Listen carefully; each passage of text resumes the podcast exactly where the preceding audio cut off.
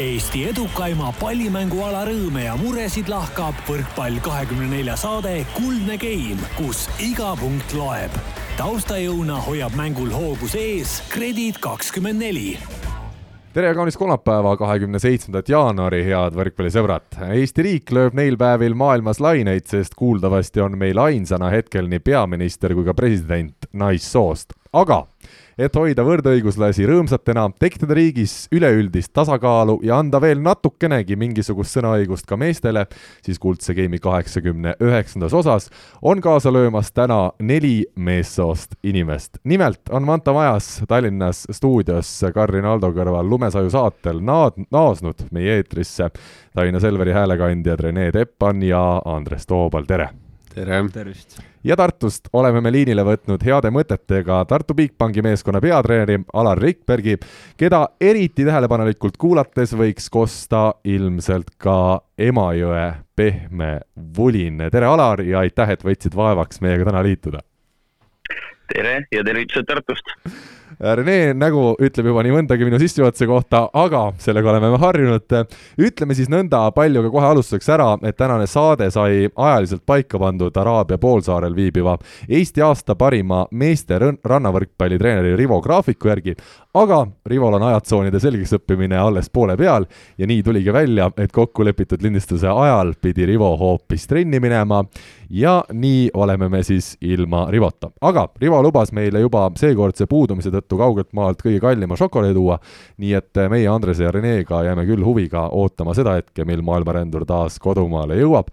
mis šokolaad see võiks olla ja millest see võiks koosneda, ma mõtlesin, kui ta ikkagi on seal Araabia Ühendemiraatides, seal võiks olla naftat natukene sees, kallist kive võib-olla šokolaad, niisugust pähkleid, mis, mis ma veel tahaks sinna šokolaadi sisse. kas seda üldse saab süüa, kui seal nii väärtuslikud asjad sees on? mingi kuldne Lamborghini sees või see peab vähe suurem šokolaad olema. Rene, mis šokolaadi sina sööd tavaliselt? ma ei söögi magusat. tõsiselt või? kogu lugu, jah.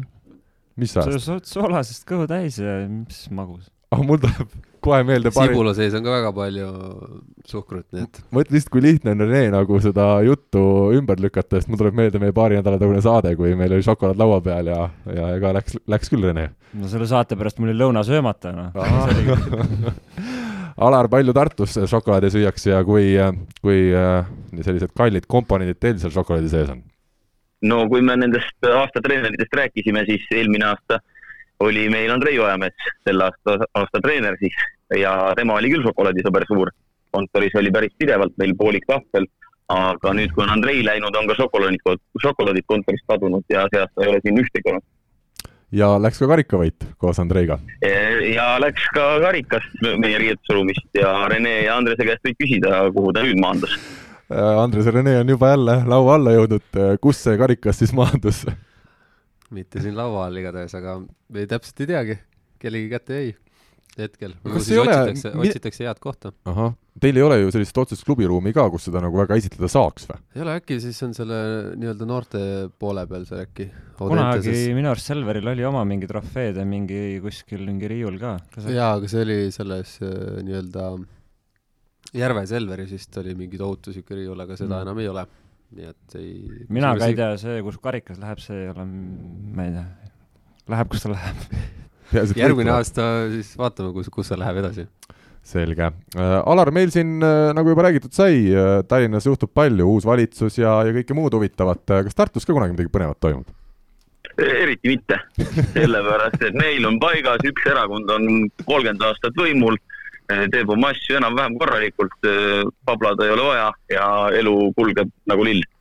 Vot, see oli ilus kokkuvõte elust Tartus, nii et need inimesed, kes pole ammu Tartus käinud, tasub minna, seal on, seal on tõesti juba talvel ka elu lill.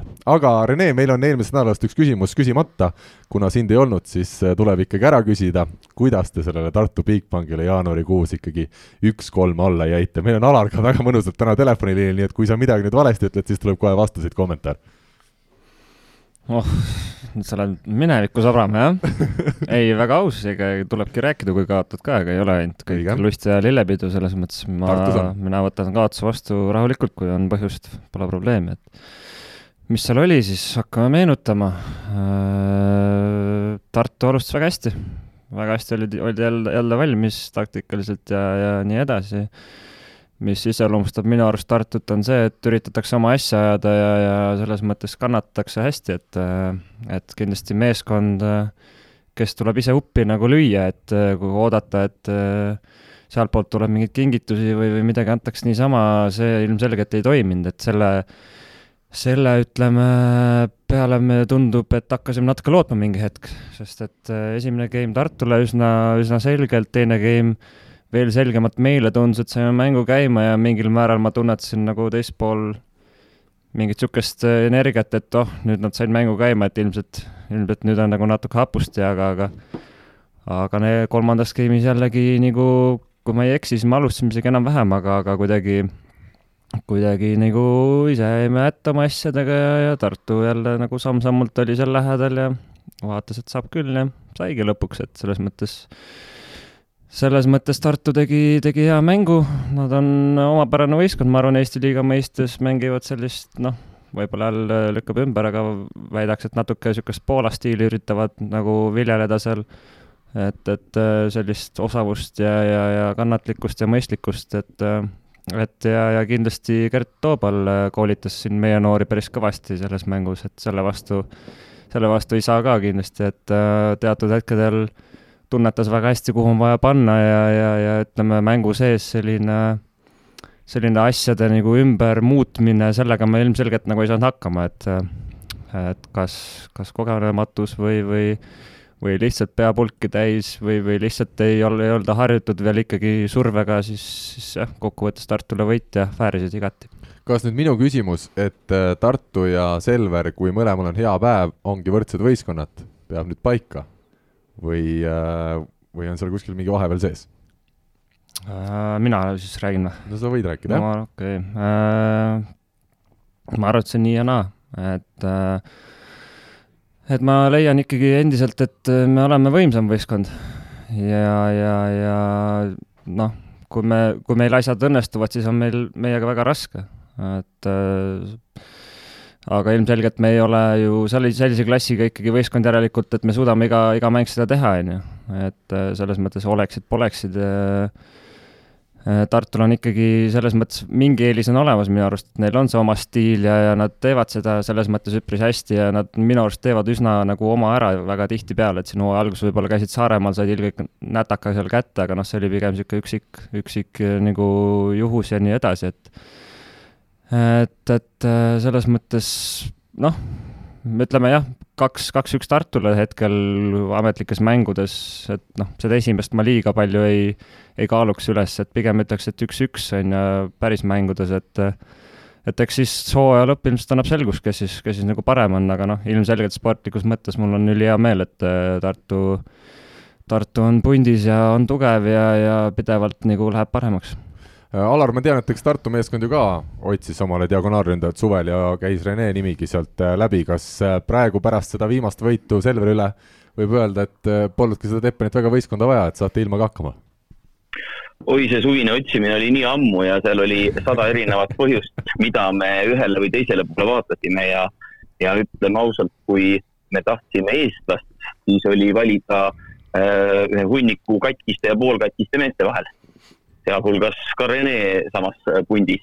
et eh, loomulikult on eh, Siim Põlver järjest paremasse hoogu läinud ja ma nüüd tõesti loodan, et kui me selle õla päris korda saame, sest et eh, tuleb anda au talle, ta on poolvigasena terve selle aasta mänginud, nüüd alles hakkavad nagu lootuskiired tulema, et käsi käib nii nagu ta peaks käima, ma arvan, et Reneel isiklikest kogemustest on päris palju siia juurde öelda, et kui su käsi mingil hetkel teeb mingi jõnksu sisse ja ei liigu vabalt, siis ei võimalda ka oma parimat mängu näidata. et mina usun küll, et Siim nüüd alles hooaja teises pooles hakkab oma tegelikku palet.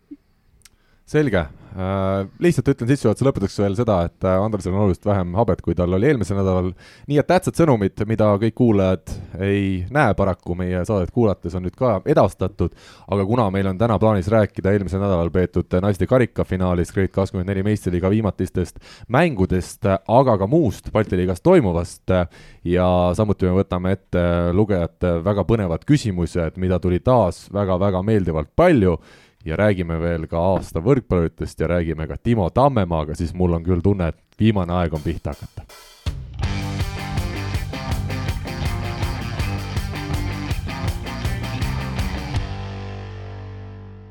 Eesti aasta võrkpallurid selgusid siis naiste karikafinaali geimide vahel ja esmalt õnnitleme siis võitjaid Kertu Laak ja ja Martti Juhkami, meie aasta parimad siis nais- ja meesvõrkpallurid tänavusel aastal. Rivo ütleks siinkohal, laseme kõlli ka. kas Andres, sa mäletad, milline nupp see oli? see. nii, palju õnne! ja kui rahva selline lõputult kestev aplaus läbi saab, siis äh, siia üks huvitav mõte, kuulasin mina seda Betsafe'i korvpalli podcast'i, kus Andres Sõber ja Heino Enden koos Kalev Kruusiga kõigest räägivad ja nemad ütlesid välja sellise asja, et Eesti korvpallikoondise põhikoosseis on täna koduklubide osas tugevam kui Eesti võrkpallikoondise põhikoosseis koduklubide osas.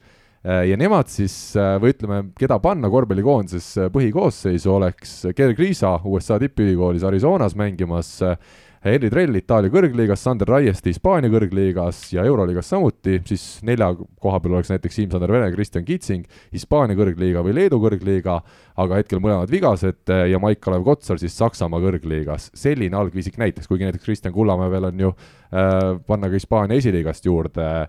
kui me võtame võrkpallis. palun korda küsimus ka üle. küsimus. või see väide väide oli see, et Eesti korvpallikoondise põhiviisikute koduklubid on täna tugevamad kui võrkpallikoondislastel. okei okay.. ja ma nüüd panin kokku meie võrkpallis siis, kui me võtaks puhtalt koduklubi põhjal, ehk siis me praegu neid Eestis mängivaid mehi ei pane arvesse, kuigi me teame, et nemad järgmisel aastal võivad ka ju mängida paljud tugevates liigades, aga jutt käib siis praegusest hooajast. võrkpallis nüüd siis tänu Markus Keele üleminekule oleks meil Prantsusmaa kõrgliiga sidemängija kohal, nurgaründajatest Mart Juhkami Saksamaa, Robert Täht Poola temporündajatest Timo Tammemaa Poola ja kas siis Andri Aganits Kreeka või Ardo Kreek Prantsusmaa, Oliver Venno diagonaalis oleks, oleks meil siis Katari liigast ja libero ütleme noh, kedagi eestlastest, Silver Maar näiteks Pärnust. et äh, tegelikult päris huvitav selline võrdlus, ma ei oskagi öelda, kummale siin edu peaks andma. Päris huvitav, aga päris natuke kohatu ka, sellepärast et teada, teadupoolest võrkpallurid, meesvõrkpallurid, päris paljud on vahelduseks kodumaale naasnud. Mm, -hmm. seda esiteks teiseks, nojah, mis me räägime, et Kossus ma selles mõttes ma ei, ma ei taha kunagi trügida võõrale maale nii-öelda ja hakata korvpallieksperti mängima, aga oleme ausad, noh, ma olen selles mõttes huviline, ma kuulan podcast'e ja olen kursis asjadega keskmisest rohkem, ma arvan, et noh, me jah, siin meedias haibime igasuguseid Kossu mehi, aga, aga aga no tegemist ikkagi enamasti on ju hea kui rollimängijategi, et kuskil no. ääre peal seal pingi lõpuosas, ma ei tea, kas see nagu annab äh, midagi, kui sa, ma ei tea, tahad vastu rinda ja ütled, et et ma ei tea, ma olen mingi Euroliiga klubi mees, kui ma ühtegi minutit hooaja peal ei mängi, et jah, me räägime siis ilmselt Sander Raiestest, hetkel kes Hispaania liigas saab äh, mõned minutid ja Euroliigas tõesti isegi need mõned minutid on äh, juba siin ära jäänud. Ja Gerg Riisa puhul küll väga kõva Arizona ülikool, aga aga seal ta mänginud pole veel ühtegi mängu ju, nii et äh, noh, seal tema jaoks see hooaeg alles algab lihtsalt hiljem, et et tõesti, kui me võtame seda, et meil see meeste nii-öelda siis välisklubidest koosnev põhikoosseis, seal on ikkagi kõik põhimängijad jah, keelest alustades tähed äh, juhkamid äh, ja, ja lõpetades seal Venno, Kreegi ja, ja Tammemaa või Jaganitsaga veel. et äh, meie siis jääme ikkagi selle arvamuse, et võrkpallikoondis on natuke tugevam, kas Alar, sina oled nõus sellega? ma paneks Rene kahele sellisele punktile, miks ta ütles, et see võrdlus ei päde, veel kaks punkti juurde. esimene asi on see, et kui mõelda nüüd tippliigades mängivate võrkpallurite arvu, paneme siis nagu olulised liigad ja olulised klubid kokku, ma ei tea, saame võib-olla viissada mängijat keda võib öelda, et üle maailma on mhm. kuskil nagu tipu poole. korvpallis sama võrdlus, me saame paar-kolm tuhat, ma arvan. kui sa võtad NBA, sa võtad kõik need ülikoolid, et eh, sellepärast ta juba ei päde, et kui palju sa siis maailma tipule lähemale, kuna ühel alal on mitu korda rohkem nii-öelda tipul, tipus või tipu lähedal mängijaid. ja teine asi, mis mulle jäi päris põnevalt kõrva, kui sa, Karl, ükskord kutsusid Andres Sõbra mängu kommenteerima ja kuidas ta kogu aeg torkas vahele vahetused ja vahetused ja vahetused. See ongi seesama kahe äh, sportmängu täielik suur erinevus. võrkpallis mängitakse suur osa tähtsatest mängudest nii, et korraks keegi tuleb, äh, vajadusel servib, äh, teeb, ma ei tea, plokki või tõesti, kui kellelgi on kehv päev, siis vahetab välja, aga korvpalli iseloom on ju see, et sul ongi põhiviisik ja sul on päris palju vahetusmängijaid ja seda ei mängita viie mängijaga, seda mängitakse umbes üheksa või kümne mängijaga, teatud tasemel isegi veel rohkematega, et sellepärast need kaks ala juba ei ole omavahel võrreldavad aga loomulikult on meil ikkagi üldiste spordisõpradena hea meel, et meil korvpallis vähemalt on äh, võtta jututeemaks üldse see, et meil on midagi võrreldavat sealt tulemas. mingite aastate eest ikkagi meil korvpallis ei olnud sisuliselt mitte ükski mängija mitte kuskil tugevas välisliigas mängimas, et tunneme rõõmu ka korvpallurite üle ikkagi kokkuvõttes. muidugi, loomulikult, ega Kossu vendadega ju võrgumehed on alati hästi läbi saanud ja ütleme tegelikult noh, pallimängud kui sellised nii-öelda on erinevad, aga seal, kui sa mõtled kaasa ja vaatad ringi ja kuulad juttu, siis tegelikult sa saad aru, kui sarnane see asi on, et et äh, pallimäng on pallimäng ja need mentaliteedid ja võistkonna asjad ja kõik selles mõttes on noh, üli, üli üks-ühele tegelikult noh, jah, okei okay,, mingid äh, ma nimetan ahvideks, neid räägivad siin mingisugusest äh, kehakontaktist ja et võrkpallurid on needsamused äh, mökud nii-öelda, et aga ma selle peale ütlen neile südamerahustuseks, et pooled võrkpallurid kindlasti sooviks, et see kehaline kontakt oleks olemas seal, aga lihtsalt reeglid on sellised.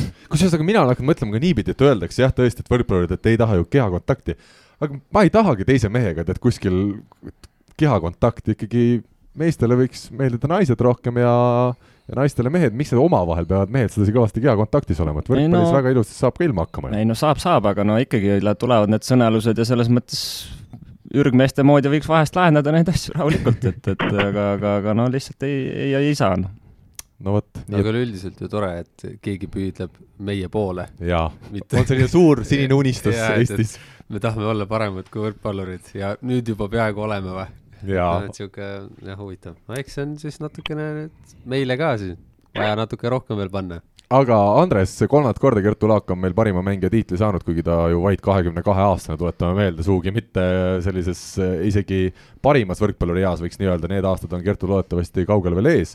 ja Martti Juhkam siis esimest korda Eesti parim, mulle tundub igati selline lahe või, või mõnus valik, et, et inimesed, kes väärisid seda auhinda jaa, et noh, selles mõttes Kertu osas oli asi nagu väga selge, et, et natukene on see, eks see võrkpalli valimine siin aasta lõpus on niisugune nagunii omaette niisugune teema, et kuidas ja mil-, millistel kriteeriumitel keegi midagi valib, kas eelmise hooaja järgi, kas koondise järgi, kas selle selle poole aasta jooksul või mis siin nagu keegi on suutnud klubi juures teha, et eks see on niisugune no see me rääkisime üks saade, selle peaks panema paika ikkagi, kui me valime ja. aasta parimat, siis peab olema kõigil ühine arusaam, treeneritel, rahval, ajakirjanikel, et me kas me siis valime seda nii-öelda eelmise hooaja, kaks tuhat üheksateist, kakskümmend hooaeg pluss koondise suvi kaks tuhat kakskümmend. sellisel juhul ju ka eelmise hooaja siis esimene pool ju justkui tohiks nagu arvesse minna, et no,, et selles mõttes äh, no ju...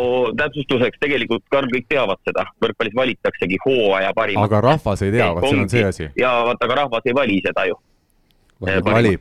sinu, sinu Albert Hurt sai selles kategoorias. jaa, Postimehes toimus äh, hääletus rahva seas ka ja Hurt sai seal kõige rohkem hääli ja nemad vist valisidki täpselt seda kaks tuhat kakskümmend aasta, kuna nad lugesid pealkirja valime kahe tuhande kahekümnenda mhm. aasta parimat, et seal ongi natuke see konflikt sees. aga kokkuvõttes see ei ole muidugi maailma lõpp, aga lihtsalt see võiks olla nagu natuke selgemalt välja toodud kõigi jaoks. no siis mina tean, aga kõik ei tea vot, see, me jõuame jälle sinna, et Tartus teavad äh, inimesed kõike, aga lihtsalt mujal veel ei ole jõutud äh, nõnda kaugele äh,. Andrei Ojamets, aasta siis äh, saalivõrkpallitreener või aasta treener, ütleme laiemalt oli vist see nimetus. ja kas siis tõesti Tartu Bigbankiga see karikavõit äh, kaks tuhat üheksateist lõpus, jah, et see siis see siis andis selle tiitli. minu jaoks huvitav, et äh, kui me vaatasime aasta parim äh, mees rannavõrkpallurite treener oli Rivo Vesik, kes siis treenib meil venelasi ja treenis siis EM-hõbedane rannavõrkpallis, aga Aavo Keel, kes ju saalis ikkagi viis lätlased EM-finaalturniirile, et teda ei valitud meil saalis nagu parimaks. Alar, sina oled, kas sa oled jälle rohkem teadlik, miks nii ei läinud või oli seal siis? Ehm, ma seda põhjust ei tea, aga mina selle valikuga olen nõus. Andrei oli parim ja tuletame siis meelde, eh, keda ja mida Läti koondis võitis, et EM-ile saada. hunnik eh, õnnelikke kokkulangevusi, et oli Eh, vigase diagonaaliga Hispaania, kes suutis kaotada Küprosele ja Moldovale ja Läti pääses Hispaaniale kaks korda kaotades alagrupi esimesena EM-finaalturniiril, et seal oli ports õnne, vaadates ka meie omavahelisi õprusmänge, mille kohta kuulda oli, et Aavo oli öelnud eh, vist Läti meedias enne mängu, et seda Eesti B-koondist peaks ikka lätlased võitma. see andis meie meestele paraja annuse lisamotivatsiooni, et lätlased neid õppusmänge ei võidaks. ja see Läti koondis nüüd sellist tuntavat eh, sammu arengus edasi minu hinnangul küll ei teinud. küll mängisid korralikult, tulemus on olemas, aga EM-finaalturniirile pääs versus eh, Rivo EM-medal on ikkagi erineva kaaluga. Rene, oled sa nõus selle võrdlusega ja selle valikuga, ütleme just Ojamets eh, keel tasandil? Mm, nojah, Andrei ajas Eesti asja ma ei oskagi öelda jah, see jah, aastad on nihkes kuidagi ja selles mõttes Andreil, kui läheb hästi, mul on alati hea meel ja, ja, ja ma olen teda alati hinnanud, et, et on, on selline treener, kellel, kellel on üks selge selline tugevus olemas, et see on selline inimlik pool ja inimeste tundmine ja selline hingega asja tegemine, et et, et mulle, mulle ta jah, selles mõttes on alati sümpatiseerinud ja mulle, mulle väga meeldib, kui tal hästi läheb, et, et seda selles mõttes on näha ka, et äh, ükskõik, mis võistkonda ta nagu läheb äh,, kas või seesama noortekoondis siin on jälle hea näide, kus nad äh, alistasid TalTechi, okei okay,, ma saan aru, et et võib-olla TalTech ise arvab sellest äh, muud moodi ja, ja, ja ütleme, oleks nad valmis olnud ja, ja nii edasi, et siis, siis, siis ei oleks nii juhtunud, aga ikkagi jällegi see noorte, noorte punt nagu näitas sellist meeletut hingestatust ja sellist äh, tahtmist ja, ja emotsiooni, seda, no ütleme, see võistkond oli, oli jällegi Andrei nägu, et, et jah, mul on, mul on hea meel, kui ta hästi läheb ma küsin niimoodi et jaa, Alar, kuulan. ma veel täpsustaks, et ega ma seda Aavo tulemust ei taha väiksemaks teha, kui ta oli. see oli ikkagi vinge tulemus, mis ta Lätiga tegi üle pika aja EM-finaalturniiri lüüa. aga päris naljakas oleks minust, kui ma abitreenerina Andrei juures ise töötasin aasta aega, mitte öelda, et Andrei on parim õige äh,. Alar, küsimused sulle, aga ka teistele, et äh, mul on jäänud sellise, selline mulje, et Andrei Ojamets peatreenerina sobibki naistele tegelikult veel paremini, kui ta meestele sobib. kas selline järeldus mis mul on siin aastate jooksul tekkinud, et kuidagi naistele meeletult on vaja seda, et see treener neid igapäevaselt motiveeriks, taga ajaks, utsitaks, et see on nagu ülisuur osa sellest, et need naised üldse mängima hakkavad või, või arenevad, et et meeste puhul võib-olla on seal mingid muud asjad on, on nagu tähtsamad kokkuvõttes kui see meeletu psühholoogiline pool, et kas Andrei ongi pigem oma loomult just naiste treener või? Äh, Andrei on nii naiste kui meestega nii palju aastaid töötanud, et äh, ma julgen küll öelda, et ta sobib nii ühe kui äh, teise võistkonna juhendajaks, aga meil eelmise aasta trennides käis päris tihti läbi meeste suurt suustist selline nali, et kui pärast meid alustasid naised oma trenni, Andrei ka sinna jäi veel vaatama või midagi asjatama, siis mehed kohe kommenteerisid, et no tegelikult sulle meeldiks ju naistega rohkem toimetada. Mis Andrei selle peale vastas üldiselt?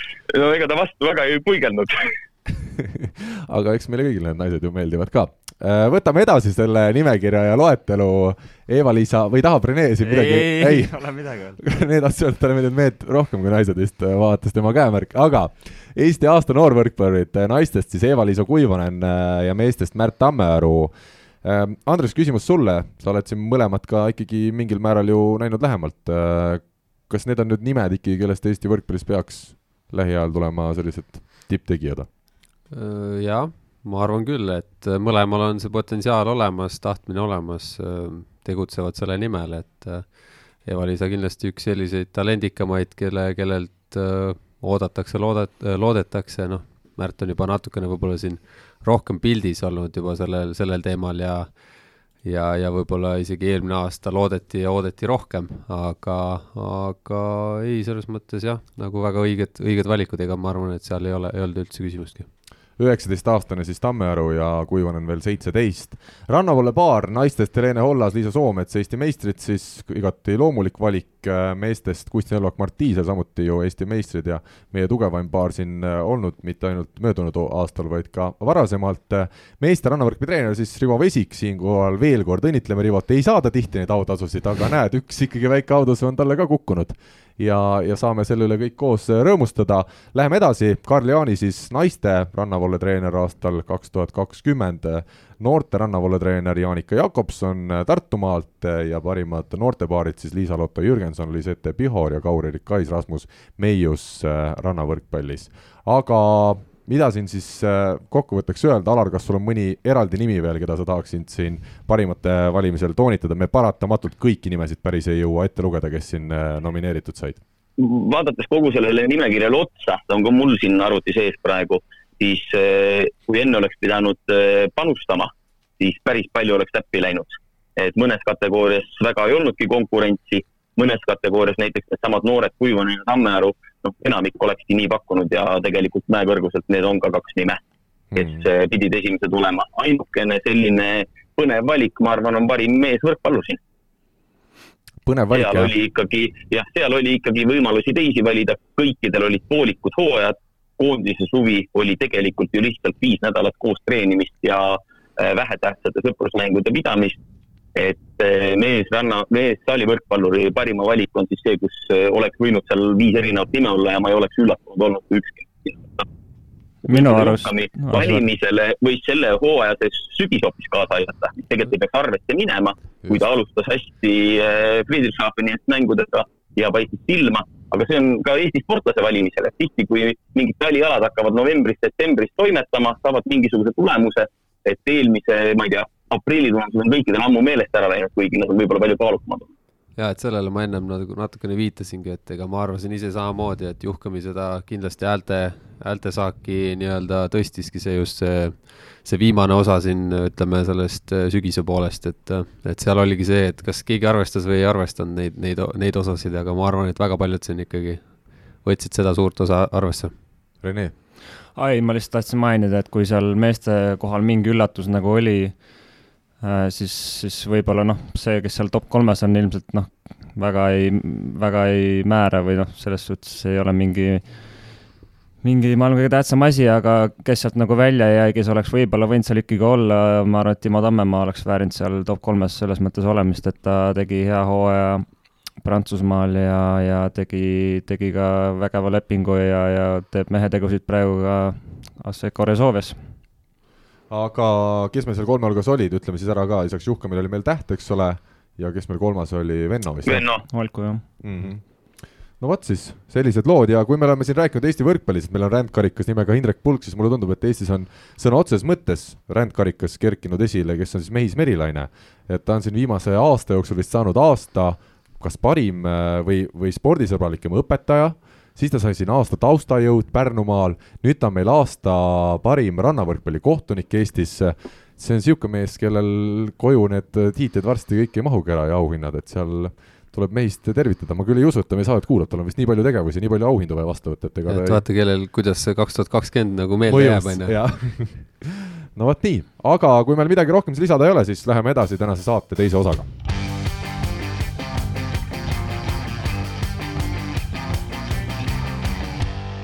Eesti naiste karikafinaalis alistas siis reedesel päeval Tallinna Tehnikaülikool Treidhouse kolm-null Audentese spordigümnaasium noortekoondise ja krooniti siis juba neljandat korda Eesti karika võitjaks. finaal oli eriline, esmakordselt Eesti naiste võrkpalli karikafinaal jõudis siis tele-eetrisse ja eriline oli ta loomulikult ka seepärast, et publikut saali ei olnud lubatud. minu selline üldine tähelepanek, mida ma siin tegin siis pärast seda mängu tuli välja, et päris paljud äh, sellised üleüldised spordisõbrad, kes muidu kindlasti naiste karikafinaali kuskilt veebist ei oleks vaadanud, kuna oli reede õhtu, kuna see mäng oli teles, kuna oli Taraflex maha pandud ja selline korralik sündmus tehtud sellest mängust, siis ka nemad vaatasid ja ütlesid, et Eesti naiste võrkpall päris, päris lahe. Ja ja see võiks olla mingi asi, millest me võiks seda arutelu siin alustada, et kui need mängud ikkagi telepilti jõuavad, siis saab ka naiste võrkpall rohkem äh, kajastust ja ja, ja võib-olla kokkuvõttes muutub paremaks jaa, kindlasti, et see niisugune väike alguslüke sellele, et, et see võib-olla äkki väike lumepall hakkab veerema ja kogu see, selle kajastuse ja muu asjaga nagu taset ka tõsta, et äh, jah, selle, selle mängu juurde ise tulles siis äh, sai seal kohapeal käidud vaatamas ja ja noh, seal selge oli see, et praegult Audentes ikkagi ei olnud selleks, selleks mänguks veel valmis, et äh, kui esimene, esimene punkt andis niisuguse väikse vihje, et kas nüüd äh, peit on natukene, läheb samasse, samasse stsenaariumisse, mis, mis esimene mäng, nendel omavaheline mäng oli, et, et hästi palju servi, servi vastuvõtu vigu, aga, aga ma pärast, praegult ei mäleta, aga ma arvan, et see mäng oli, oli suhteliselt ikka noh, protsendiliselt ikkagi oli rünnakul lõppkokkuvõttes väga hästi ja, ja vastuvõtul ka, et, et olgem ausad, jah, seekord nagu TalTech näitas seda, et et, kui on tähtis mäng, siis ikkagi suudetakse päris hästi kokku võtta ja tegelikult ei antud nagu mitte mingit võimalust. no võtame natuke statistikal siis äh, kohe ka sõnasabast kinni, Nete Peit seitseteist punkti pluss viisteist, rünnak siis seitsekümmend kuus protsenti, mingil hetkel seal kolmandas game'i alguses oli see rünnaku protsent lausa üheksakümmend. et noh, selles mõttes ongi, et naiste mängus tavaliselt need, need protsendid ikkagi nagu sellistesse ei kõrgustesse ei lähe, jah. et see näitab ühtpidi, et Nete on jätkuvalt heas vormis, aga teisalt eks ta jah, natuke näitab ikkagi ka selle, selle kohta, kes oli vastas ja me anname endale aru, et kuueteist kuni kaheksateistaastased noored neiud ei pea ega ei tohikski veel Eesti koondise põhitegijatele päris hästi vastu jah, saada. seda ka ja eks kindlasti, kindlasti see, ütleme, see karantiinis oleku aeg äh, võttis ka seda hoogu maha päris, päris korralikult äh, Audentese noortelt, et ega neil lihtne ei olnud jah Kadi Kullergan lisas siis seitseteist punkti pluss kaheksa, aga mida nüüd tähele panin, et päris palju sai ikkagi TalTech tegelikult rünnakul ka lustida, isegi siis, kui see vastuvõtt ei olnud kõige parem, ühese ploki vastu tuli väga palju neid rünnakuid, et et kokkuvõttes TalTech, ma usun, et kui ühte finaali saab nautida, siis TalTech seda finaali võib-olla alates sealt esimese game'i keskpaigast, kui oma mäng saadi käima, tõesti ka nautis. Alar, kas sina jõudsid seda mängu ka jälgida? Ja ikka, mina vaatasin teleri vahendusel ja pean olema nõus, et tore, et naiste võrkpall teleris vahepealgi kättesaadav on. ma loodan, et ka näiteks Eesti meistrivõistlustes otsustavad mängud võiksid telesse jõuda. ja see toob huvilisi juurde, inimesi, kes lihtsalt naudivad, vaatavad, mida tehakse. aga tuleb Andresega nõustuda, et eh, mitte ainult ühekülgne, vaid natukene ka igav oli vaadata mingi hetk, et võrkpalli seisukohast seal väga palju vaadata ei olnud, sest tõesti noortekoondis ei olnud sarnasel tasemel ja võtame noh, eelkõige Netebek, aga mõned naised veel ei mängi sellises liigas, kuhu nende tase tegelikult sündib, et nad ikkagi mängivad endast mitme taseme jagu nõrgemate Äh, jah, sellega täiesti nõus, Julia Mõnnakmäe siis äh, sidemängijana tuli va vahe ka kuueteistaastase Audentse sidemängija Häli Vahulaga päris hästi sisse ja, ja nägime taaskord seda, kuivõrd mitmekülgne on Julia, lisaks siis tõstetele suutis ise palju lahendada ja oli plokis edukas. kui ma nüüd Audentese naiskonnas kedagi esile tooks, siis minu jaoks ikkagi libero, Mari Lass, äh, noortekoondislane, tõestas ennast päris hästi ja, ja näitas, et libero positsioonil ikkagi A ja O on see kohavalik ja ta oli päris tihti TalTechi naistel täpselt õiges kohas ees jah, et kui ma isegi tegelikult sealt äh, nii-öelda platsi kõrvalt kuulsin ka, et äh, et ta oli võetud niisuguseks sihtmärgiks ja ta tegelikult päris hästi kohe, kohe esimese game'i alguses ta tegelikult pidas nagu kui ma õigesti mäletan, ma vaatasin äkki mm, esimese game'i lõpupoole või, või peale esimest game'i, siis tegelikult ta oli nagu ainuke, kes oli, oli üldse positiivse poole peal, et äh, teised vastuvõtjad olid, olid nullis ja, ja, ja mitte midagi nagu positiivset ei olnudki, et kõik vastuvõtud olid kuskile miinusesse, et et ja tema oli nagu see, see, see, see, keda rohkem nagu pommitati ka, et selles mõttes ta oli ainuke, kes, kes vastuvõtul jah, selle lõpuni ära kestis. Kas seda oli märgata ka, et äh, Audentse tüdrukud ikkagi pabistasid päris kõvasti mängu alguses, kas teile nagu jälgides seda mängu kõrvalt oli kohe selline tunne arusaadav või, või ei märganud ma arvan, et see oleks, pabin oleks tekkinud alles siis, kui, või no selline pabin oleks siis, kui oleks rahvas saalis olnud aga jah, see oli nagu võib-olla tähtsam mäng, aga niimoodi nagu aru ei saanud otseselt, äh, vähemalt niimoodi külje pealt, et äh, et kaaslased, kes olid, olid pingi peal, ergutasid ja, ja möllasid päris kõvasti kaasa, aga aga kui ega, ega, ega on raske, raske nagu edasi minna ka, kui ikkagi vastane ikka läheb ikkagi oma, oma soodu ja ega ei lase nagu mingit võimalustki, et et selge oli see, et neil ei olnudki väga varianti seal et äh, jah, mingit närvi sisse, kui, kui oled nii pikalt kaotusseisus, siis aga huvitav oli ka seda näha, õnnitleme siinkohal Marko Metti, kes siis võitis kolmandat korda TalTechiga karika, et ega peatreener pärast seda kaotust, mis oli siis saadud siin paar kuud tagasi, ei andnud ka mingit võimalust juhusele, et põhinaised mängisid äh, TalTechil algusest lõpuni ja, ja see võit vormistati ikkagi nii kindlalt kui, kui võimalik, sest äh, tahes-tahtmata, kui su seis on selline, et sul on kõige paremini komplekteeritud võistkond Eestis, siis sa pead neid mänge ka kindlalt tähtsaid mänge võitma. jah, et teades seda juba, et kui palju tegelikult võib sõltuda naiste võrkpallis see, et kes läheb servima, et siis siis anda enda initsiatiiv ära sellega, et teha mõned vahetused ja, ja, ja anda nii-öelda kogemusi võib-olla mõnele seal teisele, siis, siis sa võid tegelikult väga lihtsalt mängu käest ära anda, siis äh, siis ma arvan, et väga õige otsus, et äh, see asi tuleb lihtsalt kindlalt ära võtta ja oma asi ära võtta, et see, see on nagu see pool. Alar, oli see tuttav tunne ka, et kui ikkagi tähtis mäng on, äh, siis ole sa kui suurelt ees tahes, ei saa mingeid äh, vahetusi väga tegema hakata, on sul sarnaseid olukordi ette tulnud? ma olen täielikult nõus Marko Meti lähenemisega, kui see on finaal, siis sa mängid, võidad sa kakskümmend viis üheksa, siis võidadki kakskümmend viis üheksa. Mhm. et mis siis, et võib-olla pealtvaatajale või nüüd siis televaatajale see asi on igav, aga see mäng on vaja ära vormistada kui nad jälle mingit põhiturniiri omavahel mängivad, küll siis Met kombineerima hakkab selle koosseisuga hmm. Aga ikkagi tähtsad on ka suurtoetajad, me ei ole võib-olla väga palju sellest äh, siin saate ajaloos ka rääkinud just konkreetselt, aga võtame kas või seesama TalTechi ja Treidhaus siis paneb täna TalTechi naiskonnale väga tugevalt ikkagi õla alla.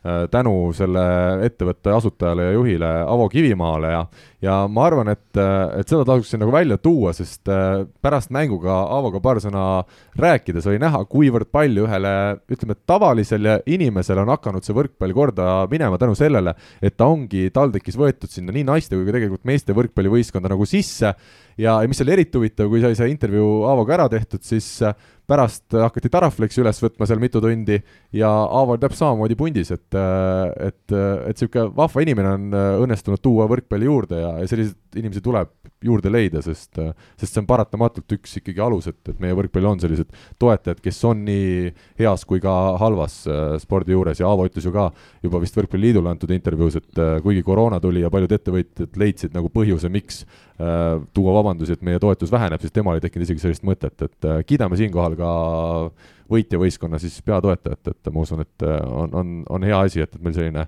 Treidhouse'i näol toetaja on olemas, ma tean ka meie noori rannavõrkpallureid ja Treidhouse näiteks toetab veel, et, et see panus on päris suur Eesti võrkpallil.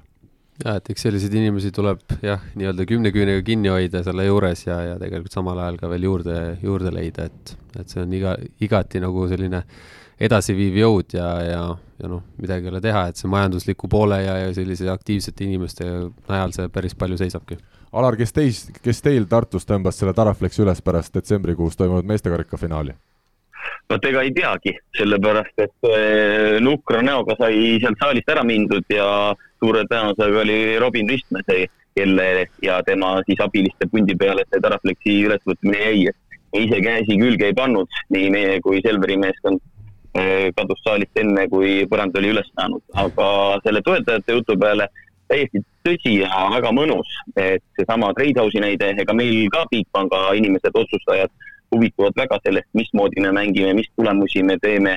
Ja natuke kahju ongi see, et neid ettevõtteid ja ettevõtetega koos siis tulevaid neid inimesi, kes huvituksid ise ka sellest mängust, selle klubi käekäigust, nendest inimestest, neid võiks lihtsalt rohkem olla täiesti nõus, täiesti nõus, ma lihtsalt ütlen juurde ka, et Marko Mett oli muuhulgas üks siis nendest umbes kümnest inimesest, kes seda Taraflexi pärast karikavõitu üles võttis, nii et jah, TalTechis oli ikkagi kogu äh, kuulus kaader kaasatud, tervitame neid kõiki tublisid inimesi ja meie ma arvan, et äh, selle karikafinaali jutud hetkeks lõpetame. Naiste võrkpallist, me loodetavasti saadete edenedes üha rohkem ka räägime, aga praegu siis tõesti juba kuulajate küsimuste juurde on aeg minna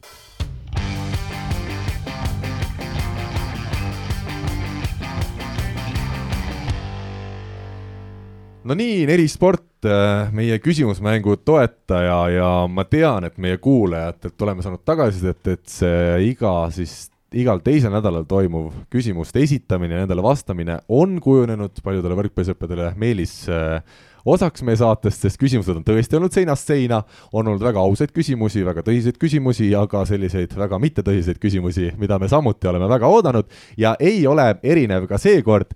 ma ei tea, palju me jõuame neid küsimusi ette võtta, sest neid oli tõesti taas üle kümne ja, ja küsimused ise on juba tihti nii pikad, et, et vaatad, kuidas neid kõiki ette jõuad lugeda. aga hakkame siis otsast minema ja Martin Kukk, Pärnu veebimängude kommentaator, on meile esitanud siis järgmise äh, fantaasiaga seotud küsimuse et oletame, et kogu maailmast ja inimeste ajudest kustub, kaob ära võrkpall.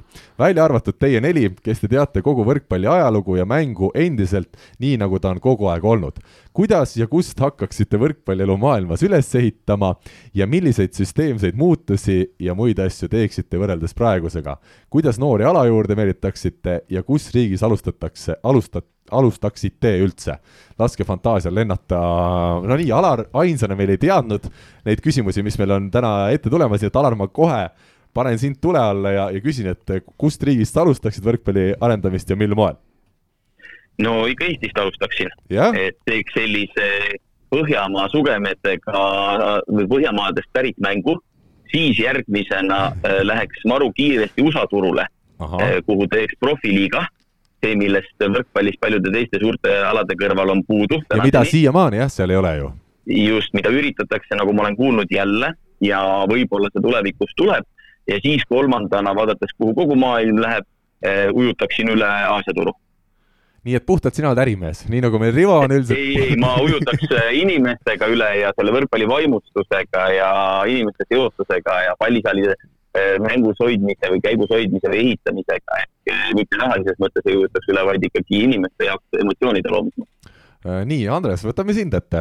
mida, ütleme, kas siis sa oskad näiteks öelda, et mida sa muudaksid võrkpallis võrreldes praegusega, on sul mingi selline selge idee, mida nüüd selgelt peaks kohe muutma, et võrkpall läheks paremaks?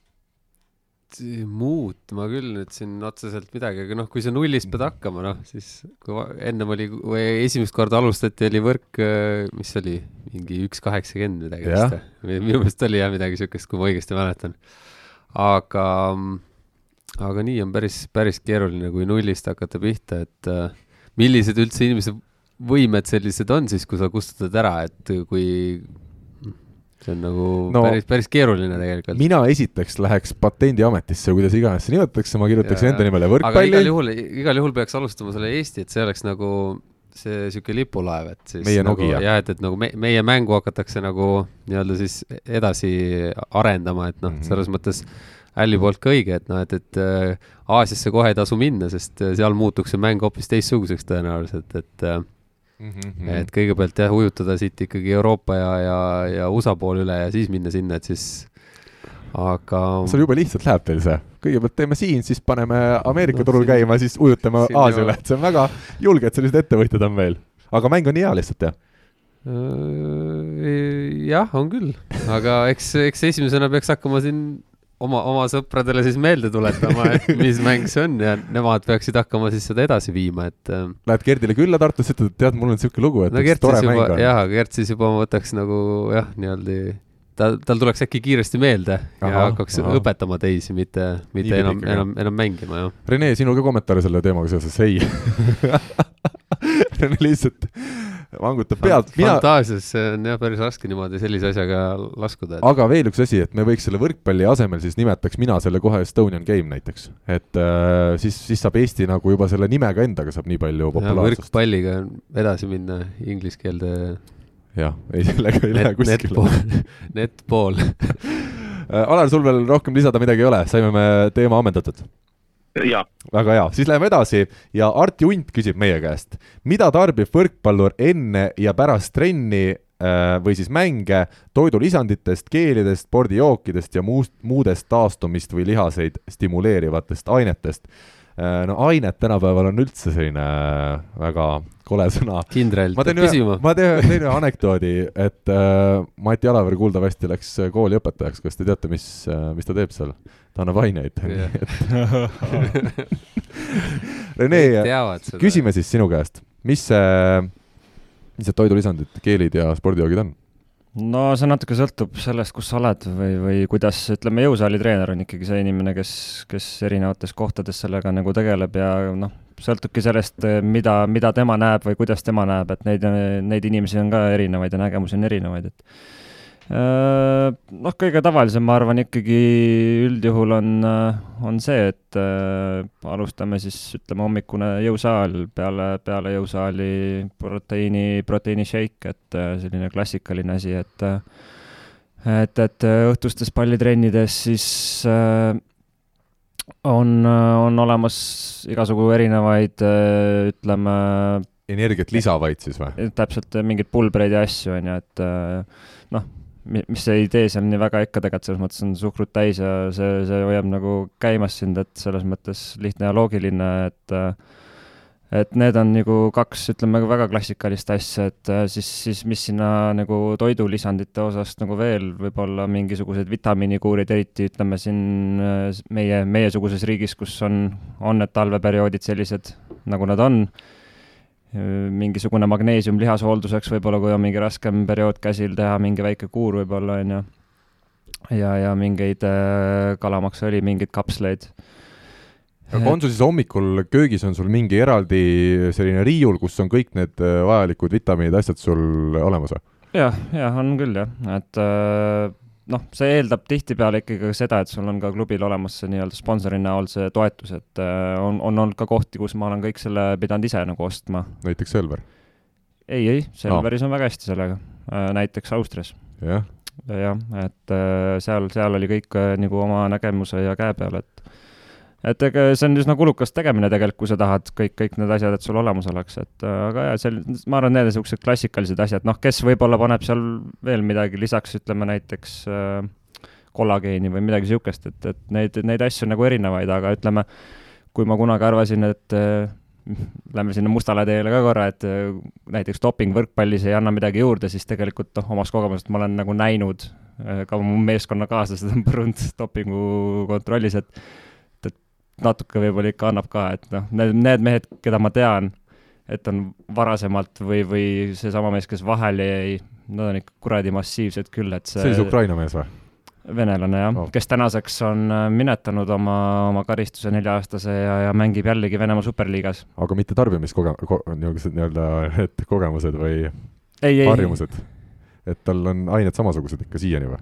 ma, ma seda ei tea, aga, aga, aga, aga jah, ütleme tema kommentaare kuulates, siis Venemaal käivad asjad natuke teistmoodi võib-olla ja aga need on niisugused tavalised, ma arvan ei midagi erilist. Alar, kas sina peatreenerina kontrollid, mida su mängijad äh, millalgi söövad ja milliseid siis selliseid või toidulisandeid kasutavad või, või kuivõrd individuaalne see siis on mängijate puhul? Äh, see on individuaalne, aga see on ka Rene poolt tegelikult päris põhjalik äh, vastus antud.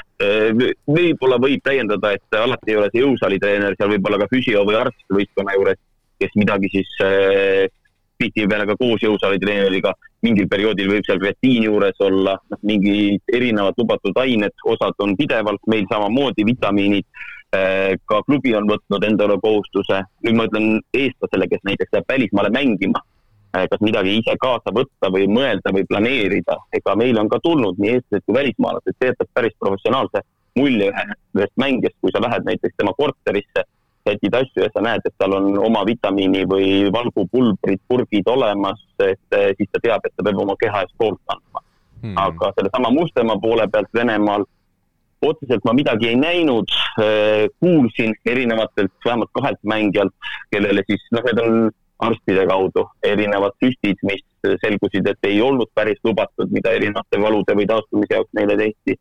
et eh, ma ei taha sellesse puhtusesse tõesti selles riigis väga tugevalt uskuda ja ei tundu ka, et seda väga tõsiselt kontrollitakse kusjuures siin ongi, Arti siis esitab ka nii-öelda jätkuküsimuse, et kas on laias maailmas mõni klubi, kus mõnele ainele vaadatakse läbi sõrmede, et siin jah, pigem vist tuleb lähtuda siis sellest, et on mingid ikkagi riigid, kus laiemalt no, natuke plus, teistmoodi. pluss on ka muidugi teema mingitest ainetest, seesama meltoonium, mis mingist hetkest keelati. enne see oli ju Venemaa spordi täiesti tavaline osa ja ta oli ka lubatud osa. et kui keegi keelab ära kreatiini siis me mõtleme samamoodi, et me oleme seda eh, söönud aastaid ja aastaid, nüüd keegi leiab, et näed, see parandab sooritust, enam ei tohi, noh siis tuleb see lihtsalt oma menüüst välja võtta ja millegi muu lubatuga asendada. et eh, see dopinguainete, keelatud ja lubatud ainete piir, see ju kogu aeg liigub siia-sinna, igas alguses peab uue nimekirja üle vaatama. see on arstidele, füsiotele, kiusaalitreeneritele oluline selline eh, juhis, millest oma töös lähtuda aga on kuuldavasti üks riik maailmas ikkagi, mis on jäänud täiesti puhtaks, kus ei ole ühtegi dopinguainet isegi üle piiri jõudnud, see on äh, Põhja-Korea nii et läheme edasi kolmanda küsimuse juurde, Vidrik Tartust küsib, kas esiliiga ja meistriliiga taseme vahe on tõesti nii suur, et esiliigast jõuab meistriliigasse võrdlemisi vähe mängijaid või millest võib see tekkida? jääb asi meeste ambitsioonide ja huvi taha või lihtsalt parimad pojad jätavad esiliiga vahele? minul tundub vastus on päris kerge, kui sa oled ikkagi noortekoondises juba ennast tõestanud või oled noorena päris hea, siis sind võetakse juba meistriliigasse ära ja ja seda vaheetappi Eesti võrkpallis nagu seal esiliiga näol ei olegi otseselt mitte midagi ei taha halvasti öelda, aga ei olegi nagu selles suhtes vaja, et see ongi puhtalt harrastajate tegemine, kui sa oled tõsiselt teed, siis sa lähed kohe noortelisest üle meistriliigasse, on see nii? jaa, et kui sa noorena ju, noorena saad juba sellesse nii-öelda meistriliiga võistkonda ja, ja teed nendega trenni, siis, siis see, see nii-öelda edasiminek on sul niisugune pidev, aga kui sa juba lähed, ütleme, esiliiga satsiga hakkad trenni tegema, siis nende trennide arv on juba nii väike. kaks sa... korda nädalas reeglina siis Eesti esiliiga klubi trenni. et siis sealt tulla teha niisugune ise, niisugune samm edasi, et sa saaks, siis peaks nagu tõesti liiga, meistriliiga tase juba langema, et sa saaksid, et. jah, aga Andres, kui sa mõtled nüüd selle aasta peale, meie võtsime Siim Päidi esiliiga. jah, aga see ongi, see ongi. ja see on üks eranditest ja tegelikult saab päris tublisti hakkama. ma ei ütle, et see tasemevahe nagu metsik on nende mängijate vahel, aga seal tuleb ju see, et kas sa teed tööd või sa oled lapsevanem eh, või mis iganes muud asjad, et kas sul on võimalus seitse korda, kaheksa korda nädalas trenni teha ei, seda küll, see ongi, aga see ongi see üks näide, et ega, ega väga paljud need, kes, kes seal esiliigas on, neil, neil see tase võib isegi nagu lähedal olla, aga nende tase langebki sinna esiliigasse minekuga nii palju, et et sealt tagasi tulla, siis nad noh, pea, sa peadki võtma selle riski, et, et aga see, see tähendab seda, et ta on igal juhul siis edasi professionaal. Aga mis on veel teine asi, mida siin tasub lihtsalt välja tuua, et äh, miks on ka nendel noortel suhteliselt kerge meil meistriliigas siis äh, püünele pääseda, võistkondadesse pääseda, et äh, see ei tähenda seda, et meil meistriliiga tase oleks meeletult nõrk, aga nagu me oleme ka siin saates iga nädal rääkinud, meil on reeglina võistkondades põhituumik väga tugev, aga vahetusmängijatele paratamatult ei jätku nii palju raha ja siis võetaksegi need noored, kes saadaks siis kas päris tasuta või, või siis ütleme, väga odavalt kätte ja kes siis ongi mitmel põhjusel, et nad ei ole kallid mängijad ja samas on neil perspektiivi juba paari aasta pärast või aasta pärast olla, olla seal põhitegijate hulgas, et see vist aitab ka natuke kaasa, kui meil oleks selline tugev profiliiga, kus viies võistkonnas, mis meil täna meistriliigas mängivad, on kõik mehed äh, sellised tõsiseltvõetavad võrkpallurid, teeniksid palka, siis nendel noortel oleks seda esiliigat vaheetapini vaja no jaa, ega ju ütleme, meie kui väikeriik, et no meil on see süsteemi vahe ka juba sees, et võrreldes mingite suur, suurriikidega nii-öelda võrkpalli mõistes, et et kui Itaaliad ja Venemaad ja Poolad ja Prantsusmaad käsitlevad nii, et need noored kõigepealt lähevad esiliigasse ja see ongi selline peale noorte nii-öelda klass, et see on selline normaalne ja tavaline nagu nähtus, et nad saavad seal mingisugust järgmist nii-öelda levelit tunda, esimene meeste kogemus ja siis, siis kunagi nad nagu peaks välja teenima koha läbi, läbi esiliigas tehtu siis meistriliigas, siis meil seda vaheetappi ei ole, aga see on tegelikult päris, päris jama, et ei ole, et ma saan aru, meil ei olegi lihtsalt mängijaid ja me ei saagi niisugust olukorda väga tekitada, jah, meil oli kunagi, kunagi Audentes, mis enam-vähem niimoodi toimis, täna ma julgeks väita, et et nagu juba mainitud, siis nii kuratlikult lihtsalt saab juba meistriliiga satsi sisse, et see noor ei pea enam Audesse tulema, see ei ole enam mingi prioriteet, nad teevad seal oma kodulinnades trenni ja neid võetakse sinna meeste juurde nii lihtsalt, et seda lihtsalt ei ole enam täna vaja, noh. et äh, see on jah, selline päris, päris äh, vajalik etapp, ma arvan, äh, mis, mis meil kahjuks on puudu süsteemis. üks asi veel. mõtet noh. kas Päid ennem ei ole, ta ju mängis ennem Rakvere all. ta mängis Rakveres ka meistriliigas ja. ja, ja siis ta läks esiliigasse siis tagasi, aga noh, see sõltuski sellest, kus sa olid ja kus sa trenni tegid. seda ma mõtlengi, aga ta, ta ju minu meelest ju läks ju ka peale ikkagi noorte mingit asja, läks ju ikkagi meistriliiga võistkonna juurde. jah, täpselt mm. -hmm. et no see ongi, et, et see moment peab vähemalt sul ära olema, et kui sa ikkagi peale noori ei suuda nii palju mängida ja lähed juba mängid, ma ei tea, neli-viis aastat eh, esiliigas, siis, siis üldjuhul ikkagi seda varianti enam ei teki. Rene tõi selle Poola näite sisse, aga Poolas ongi täpselt niimoodi, et suur osa sellest noorte massist pääseb esiliigasse ja ütleme, iga aastakäigu viis kuni kümme kõige säravamat pääsevad kohe plussliiga klubidesse.